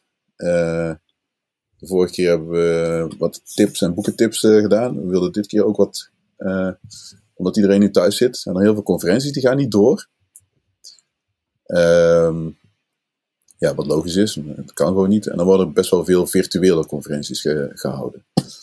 Nou heb ik een aantal heb ik, eh, langs zien komen en het is heel vaak wel een soort van eh light versie. Dus eh weet ik Ja, veel, er komen twintig. En ook vaak dat je zeg maar, want normaal heb je natuurlijk, daar heb je die, die hallway track met al die sponsor Ja. booths en zo. Ja. En nou, omdat het gratis is, krijg je dus wel constant eh gezeik met die sponsors. Ja. Dus ja, ja. Maar goed, Eh, ja, niks ja, is gratis natuurlijk. Nee, natuurlijk. Dat, daarom daar dacht ik ook altijd van ja, hoe ga je dit nou doen? Ik bedoel, dan moet je een beetje op de goodwill van de sprekers of, eh, weet ik, of misschien een aantal sponsors die alsnog eh, wel wat wilden eh, betalen om, eh, om, om zo'n virtuele conferentie te regelen. Maar eh, ja, jij, had, jij had een aantal, zeg maar, toch? Of niet, eh, Paulien? Ja, ik heb wel een redelijk lijstje. Eh, te beginnen met eh, de Lead Dev, want dat is echt een van mijn favoriete eh, conferenties. Sowieso is gewoon echt een hele goede conferentie die focust op, ehm, nou, op Lead Devs. Maar er is, er is heel veel over eh, ehm, hoe bouw je een bepaald team op. ehm, eh, maar ze hebben ook wat meer technische dingen van, ja, ja, het is, eh, het is in ieder geval, het is echt heel goede kwaliteit. Het is Mhm. een single track eh, eh, conferentie. Het is, de talks zijn super goede kwaliteit. Mhm, Ehm, die is al wel geweest, maar je kunt alles nog nakijken. Dus die Was hebben dan- sowieso. Was die betaald of niet? Want er zijn een aantal, zei je ook van, sommige zijn alsnog betaald, maar dan veel goedkoper. Ja, nee, deze was gratis. Normaal is die vrij prijzig. Ja. Eh, maar nu was het dus eh, nu was het gratis. Ja. Eh, verder hebben we Go Remote Fest. Die ken ik zelf niet, maar een vriend van een collega van mij die organiseert die. Dat, Mhm. dat is een Golang fest, fest, festival, een conferentie. Ehm, en die is ook gratis. Mhm. Dan heb je nog binnenkort heb je Dutch PHP, die normaal altijd in juni in de rij is. Mhm. Nou, dat is nu eh, omgevormd tot een gratis single track Ga je eh, spreken? ding. Nee, ik ga niet spreken, maar er zijn wel een paar bekende Nederlandse PHP-gezichten. Ja. Ehm, ik geloof dat er in totaal iets van vijf of zes sprekers zijn. Ja. En eh, dan heb je nog een PHP-conferentie, dat is PHP Russia. Die wordt ook gratis en online. En eh, Nicolas eh Grekas bijvoorbeeld van, ik weet nooit of ik dat goed uitspreek, waarschijnlijk niet, want hij is Frans. Ehm, van, van Symphony. Ja, oh ja. Eh, die is, eh, dat is een van de main eh, gasten van Symphony, dus die kennen de meesten wel. Die spreekt daar onder andere. Ehm, verder, ja, ik raad maar een end door hoor, als Ja, iemand iets heeft. Oké. Ehm Lercon eh EU schijn je te hebben gratis. Ehm EuroPython Oké. heb je ook. Even kijken hoor. En eh, er is er dus eentje die ik heb doorgekregen waar dus wel een entry fee voor is om de productiekosten te, te coveren. Nou weet ik niet of je dan alsnog eh, sponsors erbij hebt. Maar ik neem aan dat die 30 euro eh, echt, echt gewoon voor de productie is. En dat die sponsors dan Ja, komen 30 euro lijkt me niet. ja. En dat is React Finland. Oh, echt? Cool. Dus, en de, Ja. Maar dat runt, niet, dat runt niet als een eendaagse conferentie. Maar als een soort van serie. Een soort van webserie. Oké. Ja, cool. Want volgens mij was de... Eén week, twee weken geleden was... Mij niet uit. Twee weken geleden was de React Amsterdam. eh, was ook. Eh daar ben ik twee keer eerder geweest. Eh, Ik ben toen afgehaakt, want de eerste keer vond ik echt goed. De tweede keer was, was wat minder. Maar goed, dat, ja, dat is, is maar wat mij eh, aanspreekt. Maar de line-up vond ik wat minder. Heel positief. Er komen echt superveel mensen op af. De eerste keer dat ik er kwam, dacht ik van wow, hoe, kun je zoveel React eh, bij elkaar komen? Maar het is best wel heel veel internationale mensen komen erop af. En die is al geweest. En die kun je volgens mij weer terugkijken. React, React Amsterdam. Dus dat is best wel een... eh, eh, maar het is ook weer zo'n lightweight. Dus er zijn, weet ik veel, normaal gesproken 20 sprekers of zo. zoiets. En dan, ja, nu waard het een stuk minder. Dus dat is dan wel weer... eh, Ja, ik vind het ook een beetje meh eigenlijk hoor, die online conferenties. Tenminste, ja, op de manier waarop het nu vaak wordt voor. Het is natuurlijk allemaal impromptu en, Ja, en klopt. niet. Maar, maar toch, ik vind het hele single track en dan vijf talks verhaal. ja, Vind ik een beetje. Eh. Ja. Ik vind het eigenlijk nog meer. Ja, als je zelf een beetje in het conferentiecircuit zit, dan wordt het al heel snel. Vooral in PHP-wereld. Ik weet niet of dat met andere conferenties ook zo is hoor. Ja. Maar heel erg buddy-buddy en eh, een Ja, klein ja. groepje sprekers die elkaar heel erg kent. ja, En dan is het nog meer van, Ja. oh, we hebben vijf sprekers nodig voor de online versie. Ja. Ehm, en dan uiteindelijk zijn het vaak degenen die Ja, ja, ja. gewoon het, het graagst hun eigen stem horen. Maar hoe is het Dat bij, is eh, het. bij Ruby? Hebben jullie nog eh, conferenties die jullie kennen die eh, gratis zijn? Of, of niet gratis, maar virtueel? Ehm, RailsConf komt eraan, eh, mei 5. En dat is, eh, ja, die is, eh, zou in Portland zijn, Oregon. Mhm. Eh, maar dat is natuurlijk ook afgezegd. Eh, en die eh, hebben nu een deel van hun sprekers eh, de, de presentaties op laten nemen. En die worden live gezet op eh, 5 mei. Net even gespiekt. dat is Railsconf, ja. Ja, je begon, je ja. begon eerst met mei 5 en daardoor vroeg ik me eigenlijk meteen af hoe lang je al in Canada zit. Ah, zo, ja. Oeps, betrapt. Op mei 5. Op mei 5, ja. Cool. Scherp. en eh, ja, ik wilde de lead dev wil ik ook graag onderstrepen. Ik ben eh, vorig jaar nog naar de versie in Austin geweest. En eh, ik ben zelf namelijk, eh, nou, ik ben nu eh, al een tijdje een senior developer. En ik ben nu in eh, ja, management een beetje mijn, mijn grote teen aan het steken. Eh, ik heb nu eh, twee direct reports en we hebben het al over eh, nou, een derde persoon aan gaan nemen op mijn team. Ehm, dus ja, weet je, je- zoals de, saying goes van een, een senior developer naar junior manager. Zeker wel even wennen af en toe. En nou, de lead dev vond ik daarom heel interessant. En ik zou ook dan daar een paar boekjes aan vast willen plakken die ik tot nu toe vrij nuttig vond. Oh ja, Eh, de eerste is eh The Manager's Path van eh, Camille Fournier. Ehm dat is eigenlijk een vrij globale over... Ja, Johnny heeft hem daar al inderdaad vast, Oh. want ik heb hem hem ook aangeraden. oh, dan zet jij maar in de show notes, want dan ga ik niet googlen. Dat is, ehm, ik denk dat dat sowieso is voor iedereen waar je ook bent op je eh, carrièrepad. Ook al ben je zeg maar net begonnen als developer. Dat dat er gewoon een goede is. Want dat eh geeft je, een, geeft je een veel beter beeld van wat je baas nou doet. En je baasbaas en de, de baas van je baas van je baas. Mhm. Eh, en dan snap je een beetje beter waar, waar alle onderdeeltjes in de organisatie nou een beetje mee bezig zijn. Ehm, ook zou ik graag willen aanraden Resilient Management van Lara Hogan. En nou is Lara Hogan ook een van de organisators van de Lead Dev. Dus mocht je nog eens een keer naar, een, naar de Lead Dev conferentie zelf gaan, heb je goede kans Ik dat dacht je, al, die naam herken dat ik, je dacht een handtekening van haar kan krijgen in je boek. Resilient, resilient. Management, Management. van Lara Hogan. En eh, dat is zeker, moet, moet zeggen dat ehm, een beetje beginnende onderwerpen, zoals nou omgaan met verschillende perso- persoonlijkheden.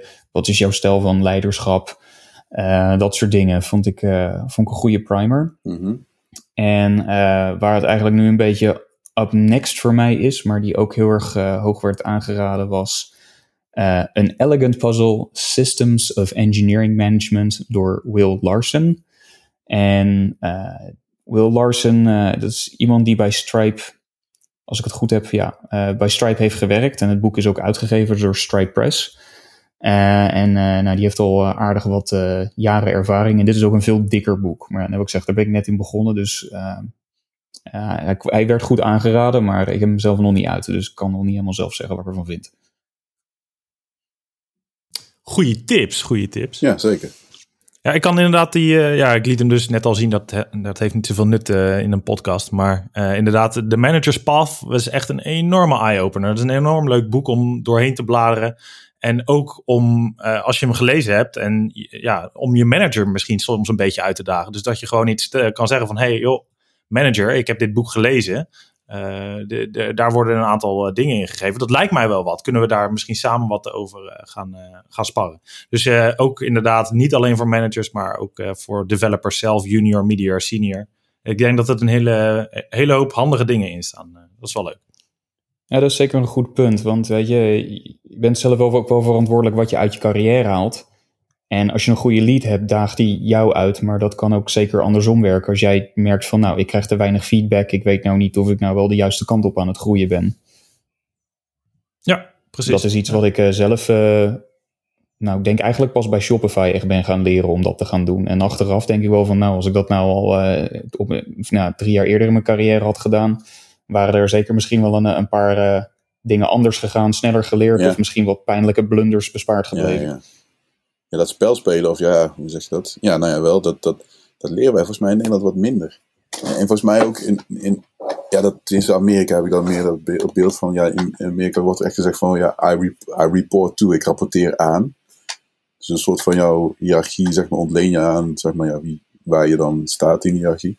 Dus dat is wel handig om dan te weten, van, hoe moet ik nu ja, binnen zo'n organisatie, zeg maar, uh, bewegen. Oké. Hebben anderen nog boekentips? Toevallig. Of, um, ben je klaar trouwens, had... Bart? Want ik weet niet zeker of je... Nee, nee, dat... Nou, ik heb hier nog heel veel meer boeken. Want Shopify heeft een boekenbar. En daar kun je gewoon boeken uit oh, meenemen. En als je hem leuk vindt, mag je hem houden. En als je hem stom vindt, zet je hem terug. Uh, maar um, ik heb... Nou, als mijn internet nu zou uitvallen... dan heb ik de komende maanden nog wel een leesvoer, geloof ik, liggen. ja, ik moet weer leren lezen. Ik heb een, een boek besteld. Ik heb ja, bij chips. Nou goed, maar dat zijn van die boeken die dan nog, in, nog geschreven worden. Die kun je al kopen vroegtijdig en dan heb je hem heel snel en wat goedkoper. Uh, maar dat, het gaat over uh, microservices in .NET, maar dat is meer een praktijkding. Dus nou, die zal ik wel toevoegen. En ik had nog een microservice fysiek boek. Uh, dat is echt voor mij best uniek van de laatste, sinds de laatste jaar, vier jaar. Want ik, ik lees weinig, maar ik dacht nou, laat ik maar weer eens proberen. Want vorige keer had ik die discussie erover van, hey, ja, leesboeken. En ik lees eigenlijk nooit meer boeken, want ik neem de rust er niet meer voor. Maar ik ga het weer uh, proberen op te pakken. Dus bedankt voor de tips. In ieder geval voor, voor mezelf dan. Ja. Bernard, heb jij uh, boekentips? Ja, ik had ook de Railsconf uh, gevonden. Mm -hmm. die zal ik niet tippen. Ik heb wel een nieuwsbrief die ik volg. Dat is van een schrijver, die heet Robin Sloan. En die is pas begonnen om een, een spel te maken. Mhm. En daar schrijft hij wekelijks over wat hij eh, die week heeft gedaan. Ja, dus die zal ik even doorpiepen. Dat is Ja. Perils of the Overworld. Game Development Diary. Dus die ga ik eh, in de show notes toevoegen. Ja, cool. Waar wordt die in gemaakt? Neocap. Dat heeft hij gemaakt. Eh, Even kijken. Tudududud. Nee, dat is, dat is een spelletje. Oh, Even kijken ja. waar hij het mee schrijft.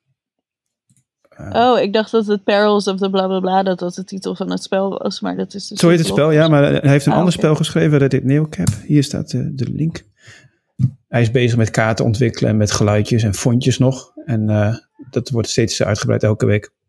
Het is best leuk om te volgen. Dat is wel grappig, want ik zit nu op twee slacks. Onder de slack van eh Codeklets en die van met neus op tafel. Bij Bart is, zit ik op met neus op tafel. Switch ik dan. Nou goed. En die man, dat is een schrijver, die heeft heel veel bekende boeken geschreven. Eh, en hij doet dus ook aan games. Dus eh, heeft, eh, leuk om te lezen. Oké. Goeie tip. Ja, wilden we nog andere dingen bespreken? Want we zitten al best wel aan de tijd. Dus stiekem toch weer bijna twee uur. Ik, ik wilde het op anderhalf uur houden, maar dat lukt dus niet. Nou, maar het is code klets toch en niet een, een codepraatje. Nee, daarom. Code Volgens chat. mij wel lekker le- weggekletst. Ja, daarom. Nee, dat weet ik. Ik vind het heel leuk hoor. Ik vond de vorige keer. Ja, het, ik, ik ben volgens mij. Ja, ik, ik wil niet op het Trump-level zeggen dat ik narcisme, narcisme heb. Maar ik vind het gek genoeg heel leuk om mijn eigen podcast terug te luisteren. Dus als ik hem opzet, blijf ik gewoon luisteren. ik weet niet of dat iets ziekelijks is. Maar ja, ik vind het leuk om te horen. Ja, dus dat zal. eh, eh, ja, ik weet niet. Ik weet niet waar dat aan ligt. Eh, dus vandaar. Dus het is niet gek. Ik, de, twee uur lang kan ik gewoon eh, luisteren. En ik weet ook wel dat een aantal mensen zoiets hebben van, nou, eigenlijk een uur of een half uur is genoeg. Maar ja, dan kun je eigenlijk niet ja, lang genoeg over een onderwerp eh, doorpraten. Ja. Ja, dat is narcisme. Ja. ja, ik denk dat een president van Nederland minister-president gaat worden. en dan mogen jullie allemaal chloor gaan drinken.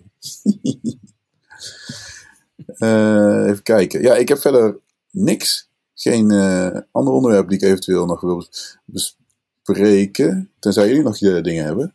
Dan, eh, Nee, geen, eh, geen onderwerp, maar ik heb nog wel een klein tipje. Een heel klein grappig tipje voor als je s'avonds verveelt. Code Bullet op YouTube. ja. Dat is een eh gozer volgens mij uit Australië of iets dergelijks. En die lost alle problemen van de wereld op in games met AI. Oh, Eh, zijn, een van de meest grappige filmpjes is eh, AI Learns to Walk. Dus hij heeft eh, met, eh, aan de hand van wat, wat tooling heeft hij een, ja, een AI geschreven. Die vervolgens ja, met natuurlijke selectie eigenlijk gaat proberen te lopen. Zijn commentaar daarbij is vrij hilarisch met een hoop zelfspot. Dat bezorgt me elke keer toch weer een hele harde, heel harde bulderlach eh, achter mijn eigen computer eigenlijk. Dus Ja, dat is toch wel heel grappig. Ja. Code Bullet op YouTube. Cool. Gaan we ook in de show notes opnemen. Nou goed, ik ga hem afronden. Ehm, ja, ga eh, vooral, als je dit leuk vond, ga ons eh, abonneren sowieso. Als je dat dan nog niet hebt gedaan. Eh, ga naar codeclass.nl, daar kun je sowieso alle informatie zien hoe je kunt abonneren. In je favoriete podcast applicatie kun je gewoon zoeken op Codeclass en dan staan we meestal, nou eigenlijk in alle belangrijke apps staan we gewoon in. Je kunt ons volgen via Twitter, apenstaartje Codeklets en Instagram. Ik denk dat ik daar nog wat foto's ga, een foto plaats van hoe ik nu hier aan het eh, podcasten ben. Dat is op zich best een bijzondere eh, manier. En eh, ja, vertel het door. Geef, geef het door aan je vriendjes en je vriendinnetjes. En kom bij ons slacken. En dat kun je ook via doen. En dat was hem. Dankjewel weer. Dankjewel Bart. Ik wens je heel veel succes bij Shopify. Ik hoop dat we je nog ooit een keer in het echt mogen ontmoeten. Eh, ja, wanneer dat zal zijn, dat is een beetje moeilijk te voorspellen nu eh, met eh, dit hele dingetje. Maar het lijkt me wel, wel leuk. Ja. Jullie nog? Insgelijks. Ja, cool. Nou, later. Nee. Dank je. Later. Hoi hoi.